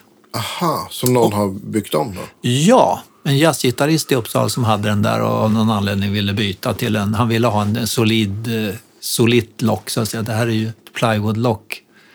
Men fanns det inte, vad heter, det här kan ju du Danne, fanns det inte en, en typ 175 variant där micken satt i mitten? Ja, Eller är det någon annan? Det är kanske inte är 175. Alltså jag tror inte, alltså 175, men jag vet ju att de här 225 och, och 125 som är lite tunnare, Just det, de precis. har ju haft det med mick i mitten. ja, ja, det här är en, alltså en, en full, full body... eh, 175. Ja, och switchen sitter nere på hornet. Jaha. Och det är det jag, lurar på det där. Det där känner jag inte, jag har inte sett någon som har det där. Så då, min tanke, och ju, jag sa, ser... hur många mickar sa du att den hade? Två. Två, ja. Och det, grejen är att jag ser att det är en, eh, alltså ett nickel eh, case på den övre Ja. medan det är krom case på den undre micken. Mhm. Så att liksom jag tänker bara så här, vad, Kan ju vara bytt, men ibland så kanske de tog lite också vad som fanns i lådan, tänkte jag. Men, eh, kan, så kan det också vara, men jag bara tänk- tänkte tanken så här, någon har en sån med en mick på, vill ha en, en stallmick också. Ja. Sätter dit det och då får man sätta dit switchen och då tycker man att det är bra att sätta switchen nere på hornet. Ja. Kanske. Den är jättefin och den är alltså eh, ch- cherry, vad ska man säga, alltså rött till Just det, gult. ja. Annars brukar den vara tobacco. ja, just det. Men Cherry Sunburst helt enkelt. Cherry sunburst. Ja. Precis. Jag ska bara kolla på de där, om det kan vara eh, fortsättning. Jag ska... Ja, ja. Vad heter det? Jag, jag är lite nyfiken på, då du, de här gitarrerna med piezomickar, Ja. har du två olika utgångar då eller måste du ha en stereokabel? stereo, stereokabel. Ja. Så det är sånt där som jag har forskat. Jag såg att ni hade de här fina Vovox-kablarna här. Ja, de låter fantastiskt. De, eh, Det har jag bytt ut, det har jag bytt ut till mitt eh, stu, studiosystem nu. Ja, så att det. jag har, jag har en analog masteringskrets så att säga, med de här Ja, okej. millennia- millennia-grejerna där. Och eh, eh, det började med att jag köpte en Vovox-kabel till, ja, det var en högtalarkabel tror jag. Mm. Eh, och jag trodde inte att det kunde vara så stor skillnad alltså. Det är alltid, du vet sån här sales talk. Jo, men, du, men jag tänker också att du kan väl ändå stå, istället för att, att du går fram och byter så kan du väl ändå spela in skillnaden? Med, med, med kabel. Nej, men alltså det, skillnaden är så stor så att när jag hör det, jag behöver inte, sitta, jag behöver inte liksom sitta och processa och tänka så är det någon skillnad? Nej. Jag kopplar in de här direkt så hör jag liksom mycket renare diskant. Jag tyckte jag även upplevde ett, ett Alltså från ljudkort ut till studiomonitorerna? Eller? Ja, till stu- studiomonitorerna. Ja. Eh, och sen så har jag liksom efter det, sen har jag, jag köpt gitarrkabel, det var det jag skulle komma till. Jag har köpt även en Vovox sån här stereokabel. Ah, okej. Som är väldigt, de är ju lite så här buckliga. Ja, eh, jag tänker Ja, att de har ju speciell stora. design sådär. Jag tycker i och för sig att de är extremt sköna live. De är väldigt Ja. följsamma och, och Ja. bra sådär. Men, eh, men det, det, det, det som är svårt med Vovox, det är om man får ett glapp Ja. Så är de väldigt jobbiga att reparera. Jag tror, jag tror jag faktiskt skickade ner, det var någon, en kabel som... För jag, nu har jag, köpt, jag har köpt högtalarkabel, jag har köpt mickkablar, jag har köpt naturligtvis till hela eh, masteringssystemet. Så att, Eh, och det, är, det är jävla massa pengar naturligtvis, men jag tycker att folk kan hålla på att byta ljudkort och sånt där utan att blinka. Och, eh, bli, alltså, lyssningen är jätteviktig för mig. Så länge man har en, jag, jag, vet inte hur högt upp jag hör nu, men jag tycker att jag hör bra. Ja. Och, eh, eh, hör man de här skillnaderna, så just när man sitter och, och, och mixar eller producerar Mm. någonting så är det ju det här är ju egentligen det viktigaste Men du instrumentet. kan ju ta bättre Absolut. beslut. Ja, jag kan, Ja. jag kan ta bättre beslut. Alltså, någonting som jag tycker att en hi-hat låter jävligt ful. Ja, men det kanske är för att jag har köpt en skitkabel någonstans nere på, på stan som liksom, de var billig. Men, men, men jag, hade ju, jag har ju kört Vovox också, men nu är det lite så här. Jag hade en kontakt i Knivsta som, eh, som var generalagent för dem. Men jag Jaha. tror inte de kör längre. Utan man Jaha. får köpa. Eh, och jag har ingen lust. För att köper man direkt från Vovox, då är det så här. Ja, men då kanske du ska ha. Ehm, 20 av den och, Ja, ja, och nej, det 15 går av inte. den. Och du vet, så här, det, man binder upp så mycket pengar. Nej, och en förstår. gitarrkabel är ändå så här. 1200. Från 1200 från spänn upp. 1200. Ja, Ja. nej, det, det är Sex galet. meter är ju 2000 Ja, spänn. men liksom. exakt. Ja. Och, men däremot så, folk köper en pedal för att förhöja ljudet och sånt där ibland. Alltså ibland, eh, framförallt på, nu tittar jag på den här uh, Silvertone-burken med gamla Gibson Ja, P13-mickar. Alltså det blir sån skillnad på, den kabeln, ja. gitarren Ja. med den kabeln. Så att man tror inte att det är sant jämfört med en standardkabel. Och sen så på en annan gitarr med annan elektronik så gör det inte lika stor skillnad. Men ibland så Nej. är det ju verkligen så här. Det vet, så här köper du den här kabeln, den är ju, folk har ju liksom baxnat liksom. Jag har en, en av mina slide-gitarrer som har gamla Tasco Goldfoils. Där är det ju så också. Det är skitstor skillnad. Ja. Tar, jag något, tar, tar jag inte min Vovox som är på tre meter, då, då tar jag något dåligt. Då, då är det jätteskillnad. Ja, men det är ju, det Och, och på hur volympotten funkar också. ja, men det är, jag antar att, var, det en gammal... eh, Ja, ja, det är gamla mycket. Ja, ja precis. Men ja, antagligen så är elektroniken... Så för hög, jag har märkt att det i alla fall gjort större skillnad på de instrumenten som har till exempel haft 500 kiloohmsputtar eller mer, alltså Ah, okej. 1000 eller en meg då. Har det gjort större skillnad än, vad, än på Fender till exempel. Men det gör skillnad även där. Ja. Nej, men så det, det, det, ibland så kan, en tråkig investering, men, men dock eh, kan göra jättestor skillnad. För, Mickkablarna är väl nästan ännu dyrare tänkte jag säga. Men ja, de, jag- vet inte exakt vad de kostar, men de, de var väldigt dyra. Och det, eh, ska man ha det i systemet så att säga, me- mellan EQ och ja, kompressorer och sånt där, så Ja, det drar, det, det drar iväg. Liksom. Jag har tänker, du också fastnat att, att, att prova nät, alltså nätkablar? Nej, dit har jag inte kommit än, men jag, jag har tittat, men det är sådana här sinnessjuka eh, priser, så jag tänkte, nej.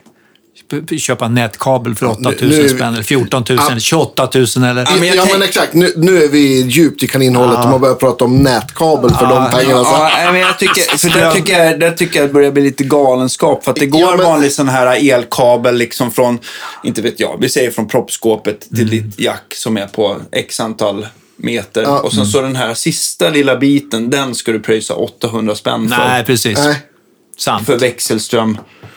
Ja, men exakt. Nej, jag vet inte. Nej, Nej, Nej, ja, jag- det- jag- Nej, där- det- där- det- jag, det- jag är inte såld. Nej, Där har jag precis. dragit i bromsen Nej, jag, också. Jag, jag, är, jag, är, jag, jag, är, jag är hellre lyckligt ovetande. Eller, Ja, jag tror nog jag tror nog vi har gjort rätt val faktiskt. Jag tror det också. Men, eh, Men, ja, men, men däremot, däremot eh, kablage mellan enheter och framför allt tycker jag eh, från gitarr till första, eh, från första till första pedal eller till stärkan eller vad man nu kopplar in. Ja. i. Där gör det jättestor skillnad. Alltså. jag kommer ihåg att jag till och med höll på och lödde om alltså, kablarna inne i min Marshall-låda. Ja, okej. Ja. Det är ju liksom lite halvbuttricksgrejer, men jag vet inte om det gör någon... Jag fick för mig att det skulle... Alltså så att det är bättre Jag, jag vet högtalarkabel att jag där satte inne. någon jävla Ja. Supra-kabel eller någonting sånt där. Jag kommer inte ihåg vad det var för... Eller med sån här hå- hård, hård jävla kabel. Det var grova koppar. Ja, men man ska inte underskatta placebo Nej, men- heller. n- nej, faktiskt. nej, men... men- på riktigt. Om man, om man Nej, säger- men alltså, det är ju, att det är bättre fysik så allting. blir- Det handlar ju om ja. att leda en ström genom en, en kabel och sen resistans. Ja. Och, och, eh, så att tanken är ju inte så dum, så att säga. Det är ungefär som att liksom försöka sila någonting genom något annat. Liksom, Hur mycket kommer det igenom Jo, egentligen? men absolut. Lite så. Nej, men det vet Precis, jag. men jag vet ju att, jag vet ju att högtalarkabelns, alltså, eh, vad ska man säga, den här, eh, vad heter det, med diametern på själva ledaren. Alltså ju, vilken, vilken kvadrat eller vad man pratar om. Den, den har, ju, ju längre kabeln är, desto, viktig, desto grövre behöver den vara också. Och jag vet att det är mindre motstånd i, oftast i enkardelia, sådana som är stenhårda Precis. jämfört med flerkardeligt. Men Ja, Ja, jag undrar om, sen så om det är rätt förstärkare och ö, högtalarna har, jag antar att det har med impedans och ma- massa saker att göra. Så, så kanske Exakt, men ju längre högtalarkabel desto viktigare. Ja, absolut. precis. Man kan ha För det, det kommer tunnare ledare. fick om jag man- bassning av, av uh, Göran Elmqvist på Sound of Silence. Vi hade dragit någon sån där, den billigaste 10 meters högtalarkabeln från mitt kontrollrum ut till där. Jag skulle mycket, han bara, äh, det där går inte, jag, jag kommer förbi med lite kabel. Och, och jag har ju kvar den andra också och det är faktiskt skillnad. Ja, ja jodå. Det- ja, jodå. Så att, Så man kan. Jo. ja. Vad heter, vi har inte... Vi, vi har ju faktiskt pratat väldigt mycket prylar idag. Ja, men vilket jag, jag är lite nyfiken också hur, hur liksom, på din karriär, för du, har ju, Mm. du är ju ett, eh, ja, men ett världsnamn inom progressiv och symfonisk rock, får man ju Mm. liksom säga. Och, och, och har hållit på väldigt länge också. Och har en massa spännande projekt. Så vi måste ju... Vi har ju pratat en del om, om, eh, om Flower Kings, men det börjar ju inte där. Utan det börjar ju mycket tidigare, eller hur? Nej, precis. Jag gjorde, jag gjorde någon sån här också bara. Eh, eh, jag fick ju chansen att hoppa med ett band som heter Kaipa på 70-talet. De flesta är för unga för att komma ihåg kanske, men så var det. Eh, och det var ju den här proggvågen. Eh, Kaipa var ju inte riktigt något proggband i det avseendet. Alltså pro proggbanden på mitten av 70-talet, det var ju mycket Kommer Gärdesfesterna och det här. Och det var, alla kan Politiska texter Ja, och- politiska men texter alla kan spela och så vidare. Och eh, vi var väl mera influerade utav kanske, vad ska vi säga, ja, vad var det för band som var populära på den tiden? Men jag tänker också det som är lätt att, eh, om man inte eh, vet så är ju liksom eh, progressiv rock och progg är ju två helt olika Ja, saker. ja, va? exakt. Ja. Pro, alltså progressive rock, om man pratar eh, eh, utomlands, det var ju... eh, Ja, det fanns ju säkert politiska texter där också, men det är ju mera som, det kommer väl egentligen från band som, jag tänker USA, eh, hela hippierörelsen där, och det är Jefferson Airplane, Precis. Frank Zappa naturligtvis. Ehm, ja, den typen av band, amerikanska, framförallt engelska band då, som, som kom ur, många som kom egentligen ur bluesrocken. Många som hade spelat kanske med John Mayall eller, och de här banden och så. ehm, Yes? Eller? Ja, Yes, yes eh, Genesis naturligtvis. King Crimson var väl kanske de, de första. Va? Och sen hade du i Amerika hade du Vanilla Fudge som var ett band som, som hade en hitlåt. eh, Mm. Och sen så eh, gjorde det långa sviter och med mycket solon och sånt där. Mm. De finns fortfarande faktiskt. Eh, Svenska band då? man, man bänder rocken till att bli Ja. eh, någonting mer. Man lägger in influenser från jazz och... och eh, Klassisk musik. Ja, jag läste någon, någonting, var någonting på Facebook, eller var någonting om, eh, det var, nej, det var en intervju tror jag med, med eh, Billy Cox och eh, Mitch Mitchell, trumslagare Jimi- med Jimi Hendrix. Och de pratade lite grann om den här tiden och eh, ehm, det är just med improvisation och, och eh, man tar influenser från, från, från jazzen och man tar influenser från klassisk musik eller elektronisk musik. Och när, eh, när Mogen kom och allt det här. Liksom. Det var, eh, de här åren var väldigt... Det hände väldigt mycket. Ja. Emerson, Lake and Palmer, kan Mm. man klassa det som ett progrockband också? Ja, absolut, Ja. det tycker jag. Så att det var ju mycket i England som det hände och de, de hade ju mycket klassiska influenser. Keith Emerson kom Mm. precis. från The Nice och de var ju ett band som rockade upp. Procol, Harum. Ja. fanns ju före, före dem också som hade gjort långa sviter och sådär. Vilka band fanns det att kolla på i Sverige i den genren tycker du? Ehm, inte så många faktiskt. Alltså de band som fanns... De, jag, ty, jag tyckte ju när jag började spela eh, så tycker jag att de band som fanns, det var ju popbanden naturligtvis. Så det, jag vet, jag var inte så intresserad av de svenska popbanden. Det var, fanns ju en del bra låtar. Man lyssnade på tio i topp. Mm, just Eh, men inte så mycket där. Men sen kom ju band som eh, Made in Sweden till exempel Just och November. Ja. Tyckte jag att det var... Mackie Markman fanns innan det, Kebnekaise, eller det som... Ja. Mackie Markman blev ju Kebnekaise sen kan man säga. Just det. Eh, och Kenny är ju värd att nämna tycker jag, som en som fortfarande håller på Ja, och. Mm. eh, kör sin grej. Tycker jag är hedervärt. Kommer snart i en podd nära dig. Ja, det tycker jag. Det är hög tid. Finns till och med ett datum. Ja.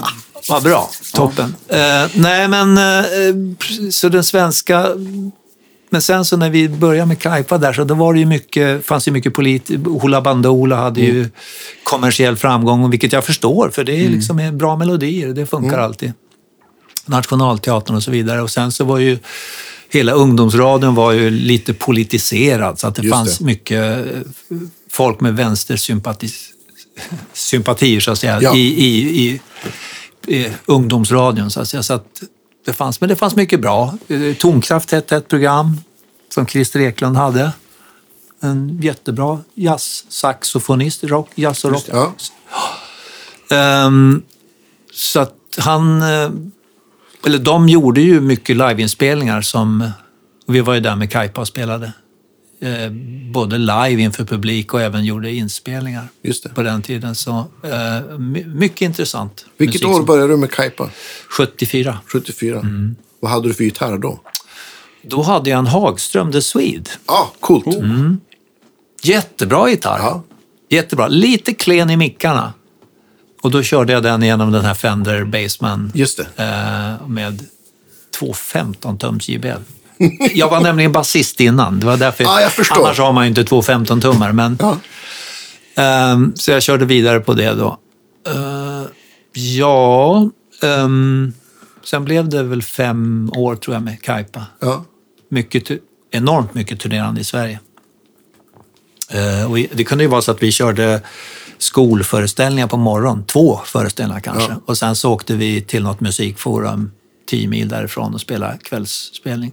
Så vi kunde, jag kunde vara borta en månad, Ja. tre, fyra veckor. Så är man hem och så tvättar lite grann och så åk- åkte vi iväg igen. Vem hjälpte er att boka på den tiden? Vi själva. Ja.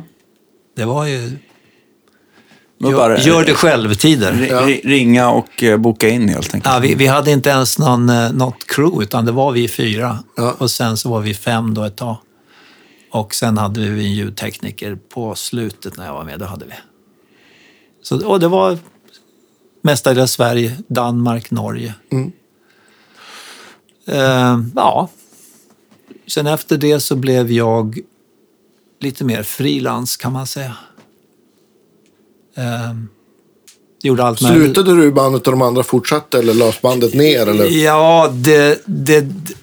Jag vet inte hur man ska uttrycka det, men det... Det beror på vem man frågar kanske. Ja, li, lite så. Jag ska, jag ska inte säga för mycket. Nej, nej, det men, behöver eh, inte. men, eh, nej, men det var inte roligt längre. Nej. Det var inte roligt längre. Så enkelt är det. Och Då ska man ju förstå när det är så att det är... Nej, men att spela på det sättet, det sliter ju ganska Ja, det mycket. sliter. Och det kanske var så att vi skulle ha tagit en paus, men det gjorde vi inte. Så då kände jag, nej, det är bra, får vara bra för mig nu. Så att, eh, sen gjorde jag massa annat. Plöjde in, ja just det, ska vi säga. jag skrev ner det också. Efter det alltså, gjorde en massa inspelningar. Alltså.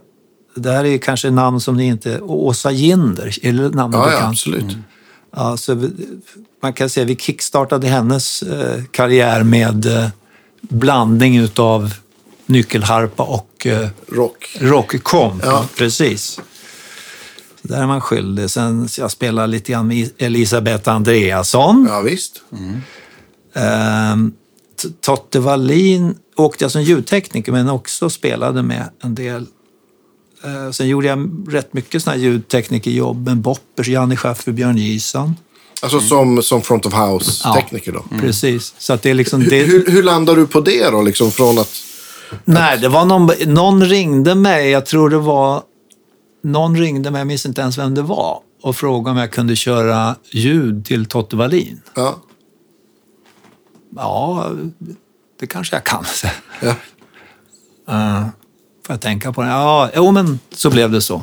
Så körde jag ljud och, eh, Och då höll vi på att spela in samtidigt på Metronom, tror jag, med det bandet som, jag, som heter Fantasia.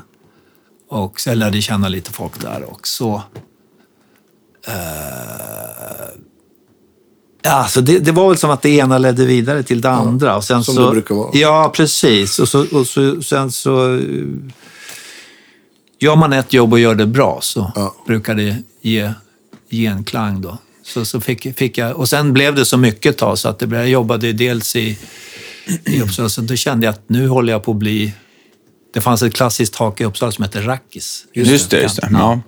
Var mycket fina bluesband som passerat Ja, där. ja, ja, alla sorters band. Eh, Så när jag inte spelade där så, så stod jag ofta där och gjorde ljud. Ja. Vilket man lär sig av också naturligtvis. Vilken är den bästa konserten du har sett på Rackis någon gång? Eh, minns inte allt, men eh, jag vet att jag såg Alan Holdsworth där. Åh, oh, vad coolt. Ja, ja. Och jag minns inte vilka det var som spelade. Jo, det var de här isländska killarna från Mezzo Forte. Mezzoforte. Precis. Ja. Nej, men det var väldigt bra. Jag kommer ihåg att han körde på Fenders förstärkare då, vilket jag tänkte... Allan, eller? Ja. ja. Vad var det för gitarr han använde? Eh, oj, då var det... Jag tror det var någon sån här huvudlös sak. Jag ska Vil- vilket år var det här? Kommer du ihåg? Eh, ja, det kan ha varit slutet av 80-talet kanske. Jag ska dock säga att, att jag har, som en av de få, på säga, nej men jag såg faktiskt Alan Holdsworth eh, och det var verkligen en sån här eh, total ja, ögonöppnare, eller jag vet inte vad man kan säga, käftsmäll kanske. Ja. Eh, 1973. Oh, shit! Då spelade han i Uppsala och han spelade med ett band som heter Tempest. Exakt. Och det var alltså John Heisman på trummor. M- Mark Clark som lever, John Heisman dog ju förra året tror jag. Mark Clark, basist, de kom ju från eh, Colosseum. Ja. Och eh, Paul Williams, en amerikansk sångare, jättebra sångare. Men eh, det, var, det var nog den mest chockartade konsert jag varit Ja, men på. det alltså. förstår jag. Jag, jag. Jag gick ju dit för att titta på John Heisman. Ja. Och så står det en, en blyg kille där med en 335 och det var det jag skulle komma till. Ja. Står med en 335 och Fender eh, Twin. Och har någon sån här Schaller. Det- Schaller gjorde någon sån här eh, någon slags Facer, eller Ah. Leslie-simulator, Okej. eh, enracks. Innan det hade dragit igång alla de här eh, rackenheterna. det. Eh, jag vet inte om man hade några andra pedaler också, men, för men han köttade på. och hade fantastiskt ljud alltså. Det var nog det bästa ljud. Jag har hört honom många gånger efter det, men, men det var nog det bästa ljud han har haft någon gång. Coolt. Det var, rå, det var rått alltså. Ja. Det var nästan som en Marshall-stack. Hur, hur spelade han liksom 73 jämfört med... Han, han med- spelade, med- då spelade han med bends och det var Ja. det som var det coola alltså. Mm. Och det fanns liksom attack i ljudet. Han ville ju ta bort, han ville ju spela sax Ja, men egentligen. exakt. Men, så han ville ta bort attacken, men Ja. just när han hade den här Han var attacken. gitarrist fortfarande. Ja, och, i- och i tre- 335 liksom. Och lite, fortfarande lite blues. Och lite mindre Ja. legato och mer picking då på något sätt? Eller? Ja, det var nog rätt mycket legato, men det var ju faktiskt en hel del picking också. Ja. Eh, Så att det var, eh, ska jag liksom plocka ut en sån här, ja ett, ett moment, eller ett ögonblick Ja. så att säga i, i uppenbarelse, så att säga. Det var en uppenbarelse. Så insåg man att så där går det ju inte att spela. Eh, Så det, det var faktiskt häftigt. Men sen har jag sett honom, och sett honom, sett honom i USA också på Baked Potato. Eh, Det, det var ju bra liksom, men jag vet inte. Någonst- det försvann, för mig personligen så försvann det lite grann med det här soundet som han har och, och lite för krångliga kompositioner. Tempest var ju liksom ett avancerat bluesrockband kan man säga, med lite progressiva Precis. tongångar. Det Jättebra. var lite lättare att hänga med. Ja, det, fanns, det fanns riff och så vidare och sen så en, en, en sångare med stor, stor röst liksom. Blues, bluesig röst. Finns det någon bra platta från Holsworth och Tempest den Ja, tiden, det, det finns en och den heter bara Tempest. Eh, eh, ett målat omslag. Jag, jag tycker den fortfarande är skitbra. Väldigt sparsmakat och liksom ingen, ingen överproduktion på något sätt. Där kan man höra honom, tycker jag, i sitt... eh, sen gjorde han även en skiva med ett band som heter Soft Machine. Just det. eh, Bundles. Och också en fan, några av hans mest fantastiska solon. Och då tror jag att det var inte 335, jag tror han hade en Eskil. SG, precis. Ja. Exakt. Eh, och jättebra ljud och han matar på några solon där som är bara ah, helt äh, hisnande alltså. Så det har ju varit en, alltså jag har ju inga lik, jag, jag inser ju på en gång att så där kan, kommer jag aldrig kunna spela, men jag har ju alltid beundrat honom. Mm. Så att jag, han, har, han har varit mer alltså någon slags mental Ja, förebild. visst. Så, Ja. eh, av, Jag av, brukar säga att han är gitarrens John Coltrane. Jo, men det, och det Ja, hade på han nog vis. själv tyckt, för det var ju hans idol också. ja. Så, men, så att annars, men, men pratar man förebilder och sånt där så har det, det har ju varit mycket blue, blue, alltså Dwayne Allman Ja, har jag alltid gillat och naturligtvis som alla andra Jimi Hendrix och så. Robin Trower tyckte jag Mm. Ja, var en bra gitarrist. Eh, och naturligtvis utan nya då, Derek Trucks är en av mina favorit. Så- Slide. Ja, svårt att ducka för honom. Ja, ja, men det är det. Men, men sen finns det mycket. Sen är det ju, och det, det, det är ju kanske, ah, jag vet inte, känsligt, men, men mycket av det här shreddandet, så här, det, jag får inte in det i mitt huvud alls. Det, det, det berör mig inte alls. Jag kan, jag kan titta på gitarrister och, och se, det finns så många och de matar på och det är miljoner toner. Och jag, jag vet inte, jag, jag känner inte så mycket egentligen. Jag- det måste ju sitta ihop med bra musik och liksom, ja, på något vis, tycker jag. Det där är så jäkla... Jag, jag är- kom ju att jag gillade väldigt mycket shred-gitarrister förr. Men, men, och jag hade alla de där plattorna och det skulle gå fort och det var, jag blev imponerad av deras sätt att spela. Men den enda egentligen som, jag, som ändå någonstans berör mig och framförallt eh, vissa inspelningar är ju fortfarande Yngve. För jag tycker fortfarande att det är något så här... Ja, det är någonting han har. ti- tidiga ja, grejer, jo, jag kan, jag tycker jag så kan här, förstå det. Jag, jag lyssnar så här på Marching Out, skiv, hans andra soloskiva. Mm, Alltså det är så fruktansvärt bra gitarrspel bitvis. Eller hela plattan. Ja, men också bra ton, Ja. bra sound. Fantastisk ton alltså. Ja. Det var det som skiljer honom lite grann från en del andra av de här shreddarna. Att det, är, är, det finns liksom ett, ett, ett, clarity i, Mm. i tonen. Det låter som, återigen, att, som det säkert är, en förstärkare på väldigt hög volym. Och man, man, hör, man hör tillslagen och sen har han ju ett, eh, ett snyggt vibrato som kan vara lite tröttande kanske i Ja, längden. det är ju men- ett väldigt, han har ju ett väldigt Ja. stort vibrato. Ja, som, som, Operavibratot. Operavibrato. Ja, det, ja, men det är en, bra- det är en bra Ja, beskrivning. ja, Alltså, det, ja. det är liksom det här grandiosa. Det är, det är lite Pavarotti-gitarrens Pavarotti. jag har extra knäck för dig. Ja, visst. Nej, men det, jo, men jag tycker det, jag tycker det jag kanske inte diggar eh, låtarna så, men jag, jag har respekt för honom. Med texten i alla fall. Nej, Nej. förlåt. Ja, Vi- vi älskar nej, men, Ja, eh, vi älskar nej, men annars så är det och, eh, utav, försöker tänka på moderna gitarrister, vad är det som, som lockar? Ja, det finns ju de som är, är lite roligt när det är lite, man har någon egen stil. Alltså, jag har alltid gillat också eh, The Edge eller vad han nu heter. Ja, jag kommer inte ihåg vad han Ja. heter. Men, Jo. Eh, nej, för han skapar sitt eget universum. Mm. Han är ingen flådig gitarrist så, men han lyckas ändå skapa ett... ett Men han är ju, det går ju liksom inte att ducka för. Han har ju ändrat sättet vi spelar gitarr och hur vi Ja, rattar gitarren. ja, ja. Även fast han inte kan spela Humlans flykt i 200 bpm. Liksom. nej, Och det är liksom... precis. Nej, han har stannat någonstans runt 185. ja, ja, precis. nej, men, nej, men det finns ju hur många sådana gitarrister som helst som spelar otroligt uttrycksfullt fast det inte är liksom... Sen går det ju att vara ekvilibristisk utan att det går fort också. Oh ja, oh ja, oh ja. Så Men Alan går ju, det går ju ruskigt fort bitvis. Ja, men det är ändå så inte den stannar, här... stannar är bra på, ibland på någon ton och, och eh, det kan vara lite melodiskt och sen så pinnar det iväg. Så det är, väl det här, det är liksom just dynamiken eller formulan i ett Alan Holdsworth-solo, om man ser i alla fall de tidigare, tidiga Alan Holdsworth-solorna, eh, kan jag uppleva är eh, ah, det kan bli som en, en konversation. Ja. Vi pratar här och så pratar Ja, vi. Så blir det blir lite hetsigt och så. det är, många, det är många gitarrister som man kan bli så fruktansvärt imponerad av. Men jag, jag, jag tänker att jag har svårt för själva musiken. Jag tänkte på Mm. Sean Lane, en annan gitarrist som är så...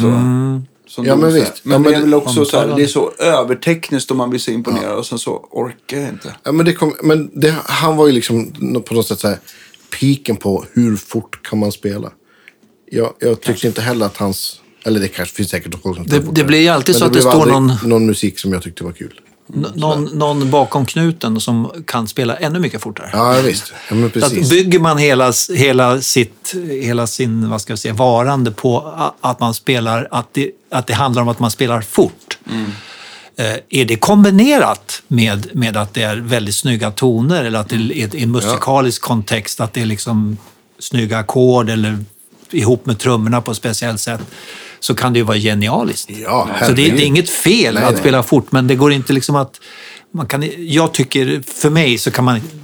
Det går inte att fånga min uppmärksamhet bara med att man spelar fort, för det finns för många som gör det.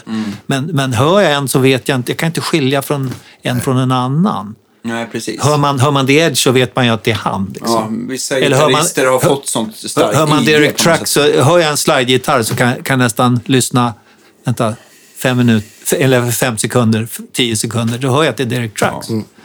Och då har man ju så att säga ett eget uttryck, ungefär som Precis. B.B. King. Få Ja, toner men, Ja, ja. men eh, ingen kan slå honom på fingrarna att han har en egen stil. Ja, man hör direkt att det är B.B. King och även Albert King och Ja, ja, ja. Albert Collins, Steve Ray Vaughan. Många av ja, de ja, där blueskillarna som har Ja. starka idén. Precis. Men, men den här Rackispuben, hur länge fanns den? Oj, den fanns många år. Jag vet inte exakt. Eh, eh, Den fanns väl säkert innan jag spelade där första gången, men eh, en studentpub i ett studentområde. Eh, Men sen vet jag inte. Jag kan tänka mig att den slog igen kanske slutet av 80-talet eller början... Nej, kanske början av 90-talet. Ja. Bara en av ägarna gick bort också, cancer. Så att det kanske var det som la lock på det hela. Ehm, men som sagt, som jättemånga människor har spelat. Och de har ju haft mycket utländska band och reggaeband och allt möjligt. Mycket blues. De tog väl in ganska många, det var ganska musik på udda veckor, alltså inte bara fredag, lördag, utan det var väl lite så här, Ja, om det folk var på genomresa så det var, nu- stannade de gärna Det var till. nog nästan eh, kanske bara måndagar som det inte var någonting tror jag. Men de har ju haft lite, typ Steve Gibbons, de har ju haft liksom mycket utländska band. Säkert sådana band som har blivit stora sen som spelade där. Och, Just det. Jag tror att Eldkvarn till och med har spelat in en skiva där om jag inte vet Okej. Okej. tror jag. Eh, ja, så det, det var som fanns i Uppsala. Sen fanns ju Nationerna och sånt också. Och nu finns det ju Katalin då, som är väl kanske, kan man säga, som en efterträdare till Precis. Rackis. Lite större och lite, lite elegantare och så. Ehm, men som sagt, alltså där, där var det... För mig var det nog eh, li- lika mycket ljudjobb som det var speljobb. På det. Just det. Spela med massa olika konstellationer. Ja. jag spelar country också Ja. Två amerikaner som var här som jag jobbade med. Vi spelade in lite grann och sen gjorde vi gigs. Liten, ingen traditionell country utan lite bl- mer blandning utav kanske mer, ska jag säga, typ Eagles eller Jackson Brown och... Americana helt Ja, enkelt. precis. precis. Har du något, jag vet inte om vi avbröt dig från din lista heller. Som inte är med, men, nej då, nej, nej, nej. nej. Det, alltså, det var ju bara det, jag, jag bara försöker komma ihåg vad, vad man har gjort Ja, för någonting och så vidare. Men som sagt, jag gick igenom det här, det var jag... Om vi liksom tittar liksom framöver då. Vad är, vad är, vad är på...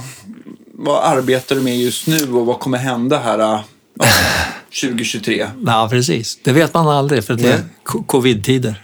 Det, det bl- blommar upp i Kina igen. Nej, jo, Säg inte sådär, jag blir nej. nervös. Ja, ja men vi, Ja, vi, vi blir alla lite nervösa Ja. utav det. Men, eh, nej, men man får väl utgå från att det ska liksom dra igång. Jag har ju turnerat en del under året här. Mm. Så att jag har ju betat av en turné med Transatlantic som är det andra Just det. bandet där som jag... Två amerikaner och en engelsman och jag. Det låter som jag ska börja be- berätta en historia. och be- dra in Och Bellman. Det var två amerikaner och Bellman och en engelsman. Och de skulle åka på turné. Nej, men eh, eh, det här är ett band som har funnits i 20 år. Vi har gjort Ja. fem studioplattor och turnerat en hel del. Eh, Hur, hur skulle du beskriva det, Transatlantic? Hur, hur, eh, Ja, hur ska man beskriva det? Det, det är också någon, någon form av eh, p- proggrock. Eh, ska vi säga, kanske lite mer voluminöst. Eh, lite större gester, lite mindre fin, finlir och lite grovare penseldrag. Eh, och eh, vi är flera låtskrivare då. Eh, jag och keyboardisten då, Neil som är kan man säga huvudlåtskrivarna men även basisten skriver en del. Eh, Ja, så det där har ju varit ett pågående projekt, men de har ju, Mike Portner har ju, nu är han ju inte med Dream Theater längre, men han har ju massa andra band, Winery Dogs som Visst. är Richie Kotzen och, Ja. och Sons of Apollo, det är ju Precis. med, vad heter han, Bumblefoot, ni, ni vet säkert vad han ja, heter. visst. Vad heter Ja. han egentligen? Nej, jag vet inte. Ron Thal, tror jag. Eller så. Ah, var han, han var med i. Guns N' Roses, eller? Ja, det var han ett Ja. tag. Eh, precis. Nej, men så de har ju lite andra eh, projekt som de har på gång. Så att eh, Transatlantic händer lite då och då. Ja. Men det passar väl bra i och med att du har Flower Kings och I- Ja, det, det är både och. Det passar ju bra, men samtidigt så blir det liksom... Krock. Vi kommer aldrig riktigt till, nej, vi kommer aldrig riktigt till skott. Vi får inte repa tillräckligt. Nu, vi gjorde turnén nu så, så repade vi två och en halv dag. Och då hör det till saken att vi hade, på grund av vissa omständigheter, hade en, som en, typ en festival där som var två dagar. Så att jag hade att lära in, får se om jag tänker rätt här nu, jag tror det var över fyra timmar, fyra och en halv timme musik. Mm, det är mycket Med, med den alltså, eh, avancerad, du vet, nio åttondelar, sju åttondelar, fem. Samma melodi fast en annan tonart. Byta ljud. Väldigt komplicerat. Och sen ska man repa det hemma. Man måste ändå repa det tillsammans. Liksom. Jo. Två och en halv dag och sen ut på turné i USA. Så att det, jag tror inte att det lät så jättebra. Det Och- tror och jag att det gjorde. Nej, det, det, det, faktiskt inte alls. Jag måste vara ärlig där. Och det, och det, det gör ont liksom, när Mm. man vet att det skulle kunna vara bättre. Men omständigheterna gör att, att, man inte, att bandet inte kan liksom... Ja, att man inte kan få blomma ut 100 procent. Alla har för mycket annat. Ja, alla har för mycket annat, precis. Men om ni planerar det, lägger det längre fram, i, alltså jag tänker om man har bättre framförhållning kanske det går att lösa. Jag tänker, det här är ju, just efter pandemin har ju allting blivit liksom ganska mycket på kort varsel och massa gig som har flyttats hit och dit. Så att, ja. Det, är- det, det är varit jätte- allmän hets tycker det, jag. det, är, det är jättesvårt att säga. Det där händer ju. Det brukar oftast vara så att det händer och sen så kan det gå en tre, fyra år emellan och sen så, så att man vet inte liksom vad, hur framtiden ser ut. Så att det, vi, men vi spelade in eh, två, eh, en, en, en show i USA och en på Olympia i Paris. Så att, och den från Olympia den kommer efter årsskiftet, februari tror jag. Ja, kul. är det filmat också eller? Ja, det, det, det är alltså Ja. en, en video, eller DVD, Blu-ray tror jag det är nu. Det är väl ingen som har några videos längre. Ehm, och, och det är kul, eh, eh, för att det är en legendarisk venue då. Ja, som ja, ja, mycket jazz och sånt där naturligtvis. Men det finns ju anor i lokalen. Så det, och det, det var en bra, fantastisk publik. Så att, och vi spelade bra faktiskt. Det var ju sista spelningen. Det hade kunnat bli pannkaka också. Men det blev bra, så det, det kommer. Men så vi får se vad som När- händer med det. När du har varit ute med till exempel Transatlantic, Mm. där, vad, vad är det som... eh, vad måste du ha med dig i gitarrväg och förstärkarväg för att få det att funka sådär? Jag antar att det är en hel del av de sakerna vi redan pratat om, men... Alltså, Det här låter ju helt vansinnigt, men jag kan säga att jag hade med mig en absolut minimal rigg. Och det här berodde lite grann på att eh, ska man flyga inom USA, vi, hade ju, vi åkte ju en del turnébuss, men sen hade vi, skulle till Kalifornien så skulle vi till Kanada och så vidare. Eh, och då gäller det att ha så lite grejer som möjligt. Så jag hade faktiskt med mig bara en enda gitarr och ett litet pedalbord. Och det var väl typ den här TC plus en wah-wah-pedal, en volympedal, en Dunlop volympedal också. Och två distboxar. jag. Vilka That's- distboxar? Det var de här, den här Cornerstone hette den. Cornerstone? Ah, ja, är, är det så den Ja. italienaren är? Ja, Ja, kul. Cornerstone. Mod- Är det, mod- heter, heter den så eller är det, är det märket som heter Cornerstone? Eh, det kan ni nog kolla. Det låter som modellen. Jag- Ja, jag vet inte. Jag vet faktiskt inte. Alltså det var vad jag hade med mig. och en trave strängar. Vilken gitarr fick åka med? Det var te telekast, röda Telecaster med True Temperament. Och vid ett tillfälle så fick de öppna den, för det var, det var väl någon flygning då som det hade liksom duns, dunsat i. Jag har ju sånt här Ordentligt. case, ordentligt eh, gum, ja, jag vet inte vad de heter, de här super med sån här o-ring. Nej, men det är liksom en hermetiskt tillslutet case. Va? Det är ungefär vad man kan göra. Kan inte göra kan inte packa det bättre än så. Men, men om någon droppar det sen. Yes. Där har det. Hittade Får den. se. Mm. Där blev man ju otroligt nyfiken på. Ja, Toman hade den. Eh, fortsätt ni så ska Ja, ja. jag dregla Nej, lite. nej, men eh, så, så att det... Hade du, hade du så här spesat någon spare-gitarr då på varje ställe? eller? Nej, jag hade inte gjort det. Ja, stenhårt. Ja, det, det är sjukt. Vi hade ju en hjälpgitarrist i och för sig. Eller han är gi- gitarrist, keyboardist, sångare, percussion-kille. En extra kille. En- Ja, multi. Han hade, tror jag, med sig en... Han körde rätt mycket på någon Variax, tror jag. Men sen körde han, hade han, tror jag, en... Var det Strata eller en Tele? Ihåg. en te, jag tror det var en Tele. Så det fanns väl, sista utvägen var... Just det, men han, han hade väldigt slinky strängar, så att det... Ja, okej. Så det är ja, lite för tunt för mig. Men ja, i värsta, värsta fall. Men sen hade vi ju liksom gi- gitarr. Men de öppnade eh, min gitarr därför att eh, systemet var någonting som hade rasat ur den där så att liksom, den var död bara på, en, på någon soundcheck. Efter någon flight då brukar det ju sånt där kunna hända. Ja, precis. precis. Så att, eh, nej, det var ingen imponerande rigg faktiskt. Men det blir ju så när man flyger och det är, allting kostar ju så att säga. Och det är inte jag som bestämmer utan eh, säger de att ta med så lite som möjligt, ja då tar jag med så lite som möjligt. Men jag säger, med risk för att någonting kan hända, bara så ni vet.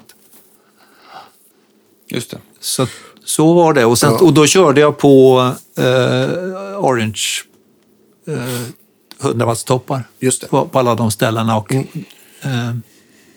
jo, när vi åkte buss då hade jag en Orange topp och en Mesa-topp tror jag faktiskt. En sån här, åh, vad heter de? Som, Rectifier kanske? Rectifier, precis.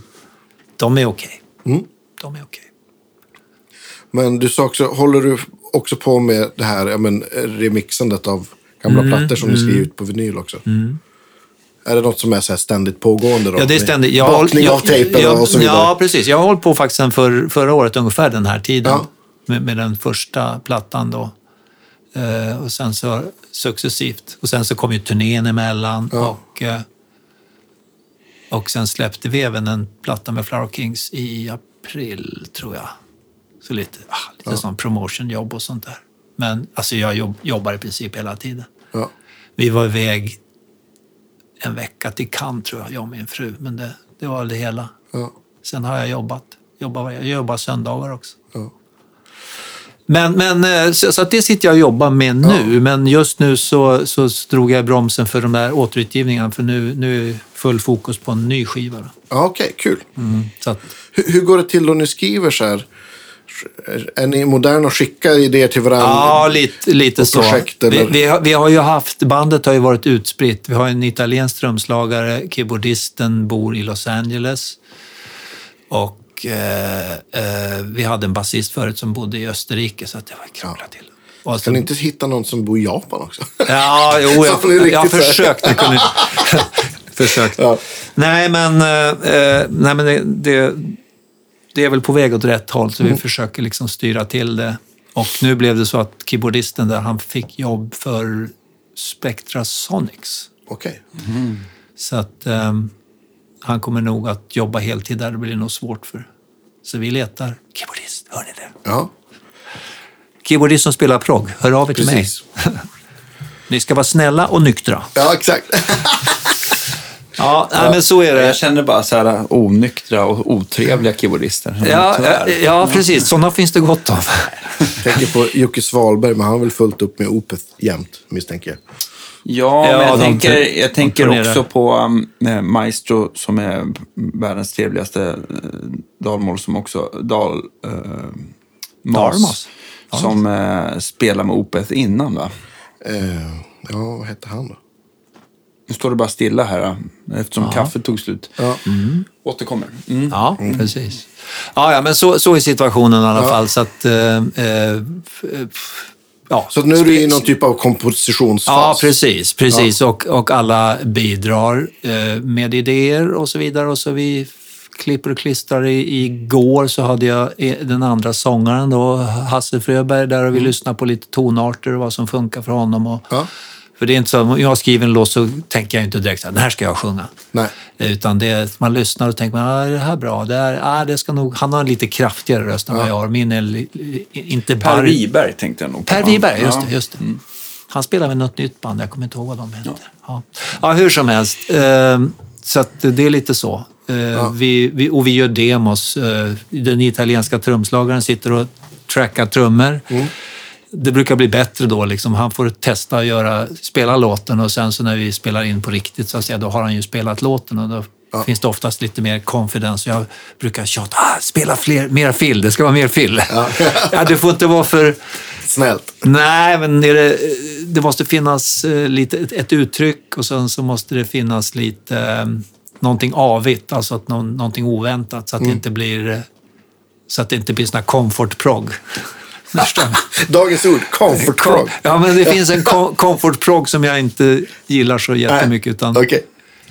jag, gillar, jag har ju haft glädjen att spela med till exempel Marco Minneman som ni säkert känner till.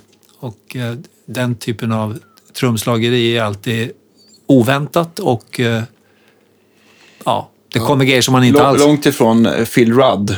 Ja, verkligen.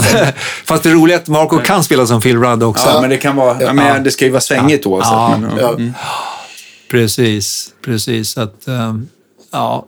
men, ehm, men allt det där blir nog bra. Vi, just nu så fokar vi på att skriva låtar och så. Och, eh, Du, får gärna, du får gärna göra någon liten spellista med eh, grejer du har medverkat på. Ja. Eh, på om, om du kan göra något via Spotify. ja, det, kan jag, det är sånt där som jag tänkte göra. Ja. Jag, jag vet Du, för behöver, kanske... du, du kan ju också bara börja med kanske tio låtar eller någonting och sen så får du bygga Ja, på det den behöver inte va? vara massivt. Nej, det behöver inte vara allt jag har varit med på. Nej, nej, nej. Nej, men bara, det är bara kul. Det är alltid Ta kul. några som du bara gillar. Ja, så här, ja, ja, men absolut. Det kan, det kan För vara det kan man kul. dela, Ja. för det, folk tycker att det är väldigt roligt. Och Ja, ja men, precis. a- absolut. Det, det, ska, det ska jag försöka komma ihåg. Eh, som sagt, det har blivit en del och det är inte allt man står för. Ibland har jag ju bara gjort ett jobb. Liksom, Ja. får, men jag brukar... Jag snackar aldrig eh, skit om mina eh, arbetsgivare om man säger så. Nej, så nej. även om jag har gjort någon grej, en grej så här så... ah, Det, allt är inte roligt, men, men eh, idag gör jag väl mindre. Jag gör en del grejer. Ibland kan jag göra grejer gratis. Bara för att jag tycker att det är någon som förtjänar det eller någon som inte har pengar och de har någon grandios idé om någonting. Va? Ja, men visst. Och, och ibland så kan det vara någon som bara försöker få in en för att, för att sätta ett namn på, på Just det. skivan. Det. gillar jag inte heller. Nej. Riktigt sådär. Ja. Eh, Är, är, liksom, är det mitt gitarrspel du vill ha eller vill du kunna sätta mitt namn på skivan? Precis. Så då Får skriva försöker- Flower Kings inom Ja, parentes. men, ja precis. precis. Jag säger, du får inte sätta, mi- mitt namn får inte vara större än så vidare. Nej. Nej, men, eh, men, eh, nej, men det är alltid kul att spela. Jag tycker Mm. alltid det är kul att spela sp- vad som helst. Jag kan spela, ska spela lite blues här nu efter jul med några kompisar. Mm. Och så vidare. Eh, Hur, hur, mycket, hur mycket gitarr blir det per dag? Det är väldigt olika. För det kan ju vara att jag ibland sitter jag bara och redigerar grejer och Mm. eh, testar, eller testar olika tonarter eller, eller spelar rätt mycket keyboard också. Mm. Det blir ju så.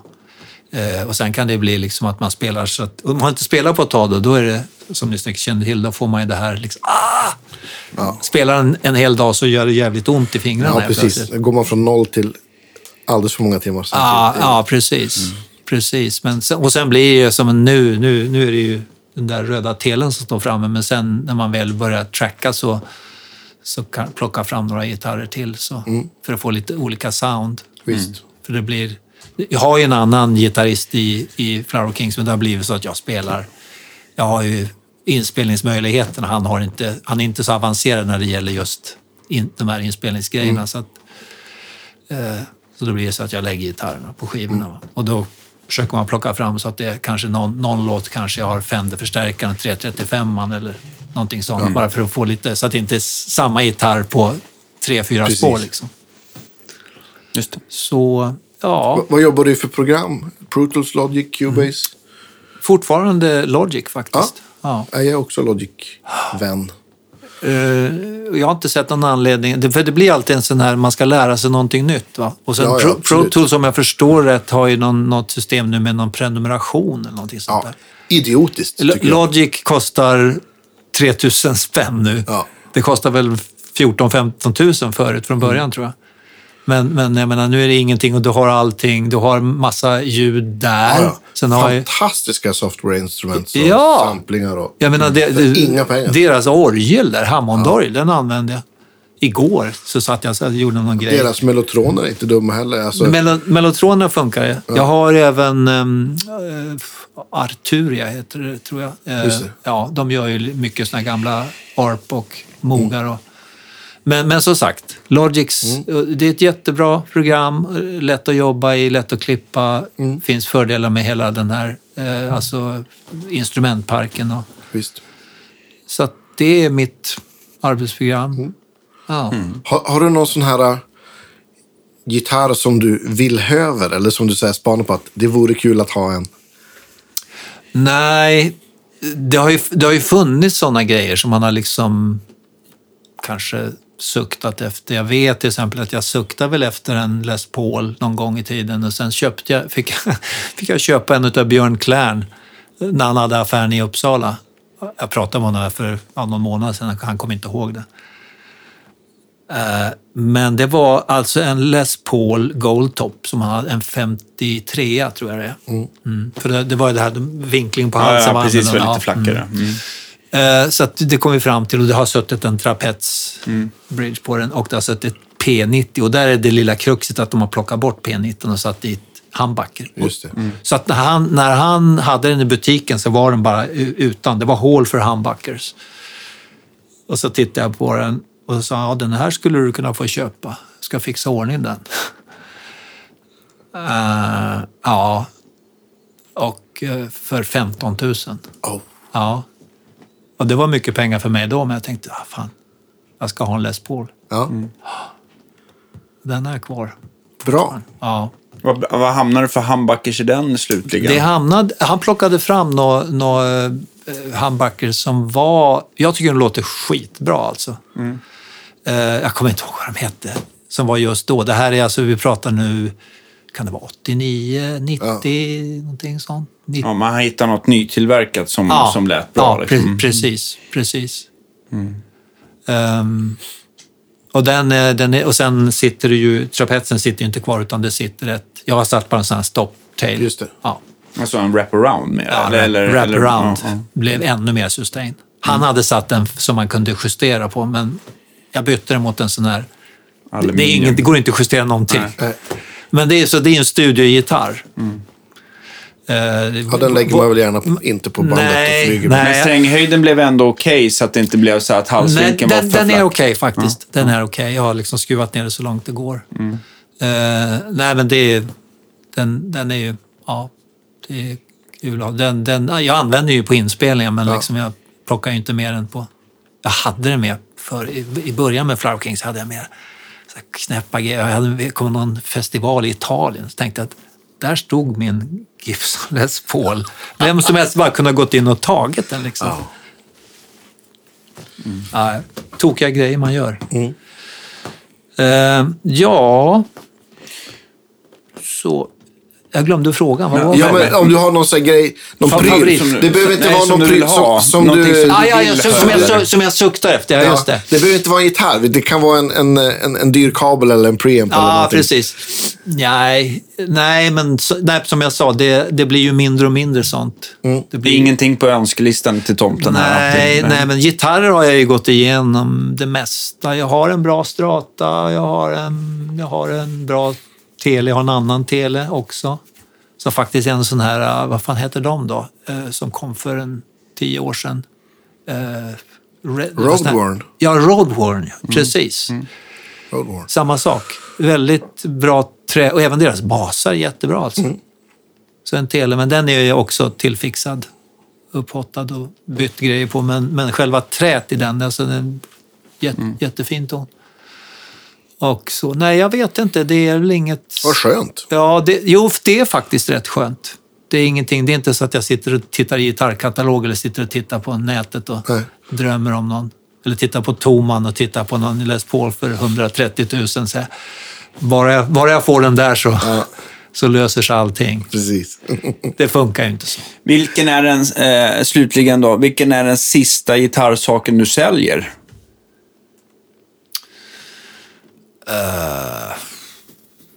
Det var en tuff fråga. Alltså jag, kan, jag kan nog sälja egentligen sälja egentligen allting. Man överlever ju. Ja, det är ju jo, så. Som sagt, jag, jag sålde min Stra- Strata där 63, mint condition.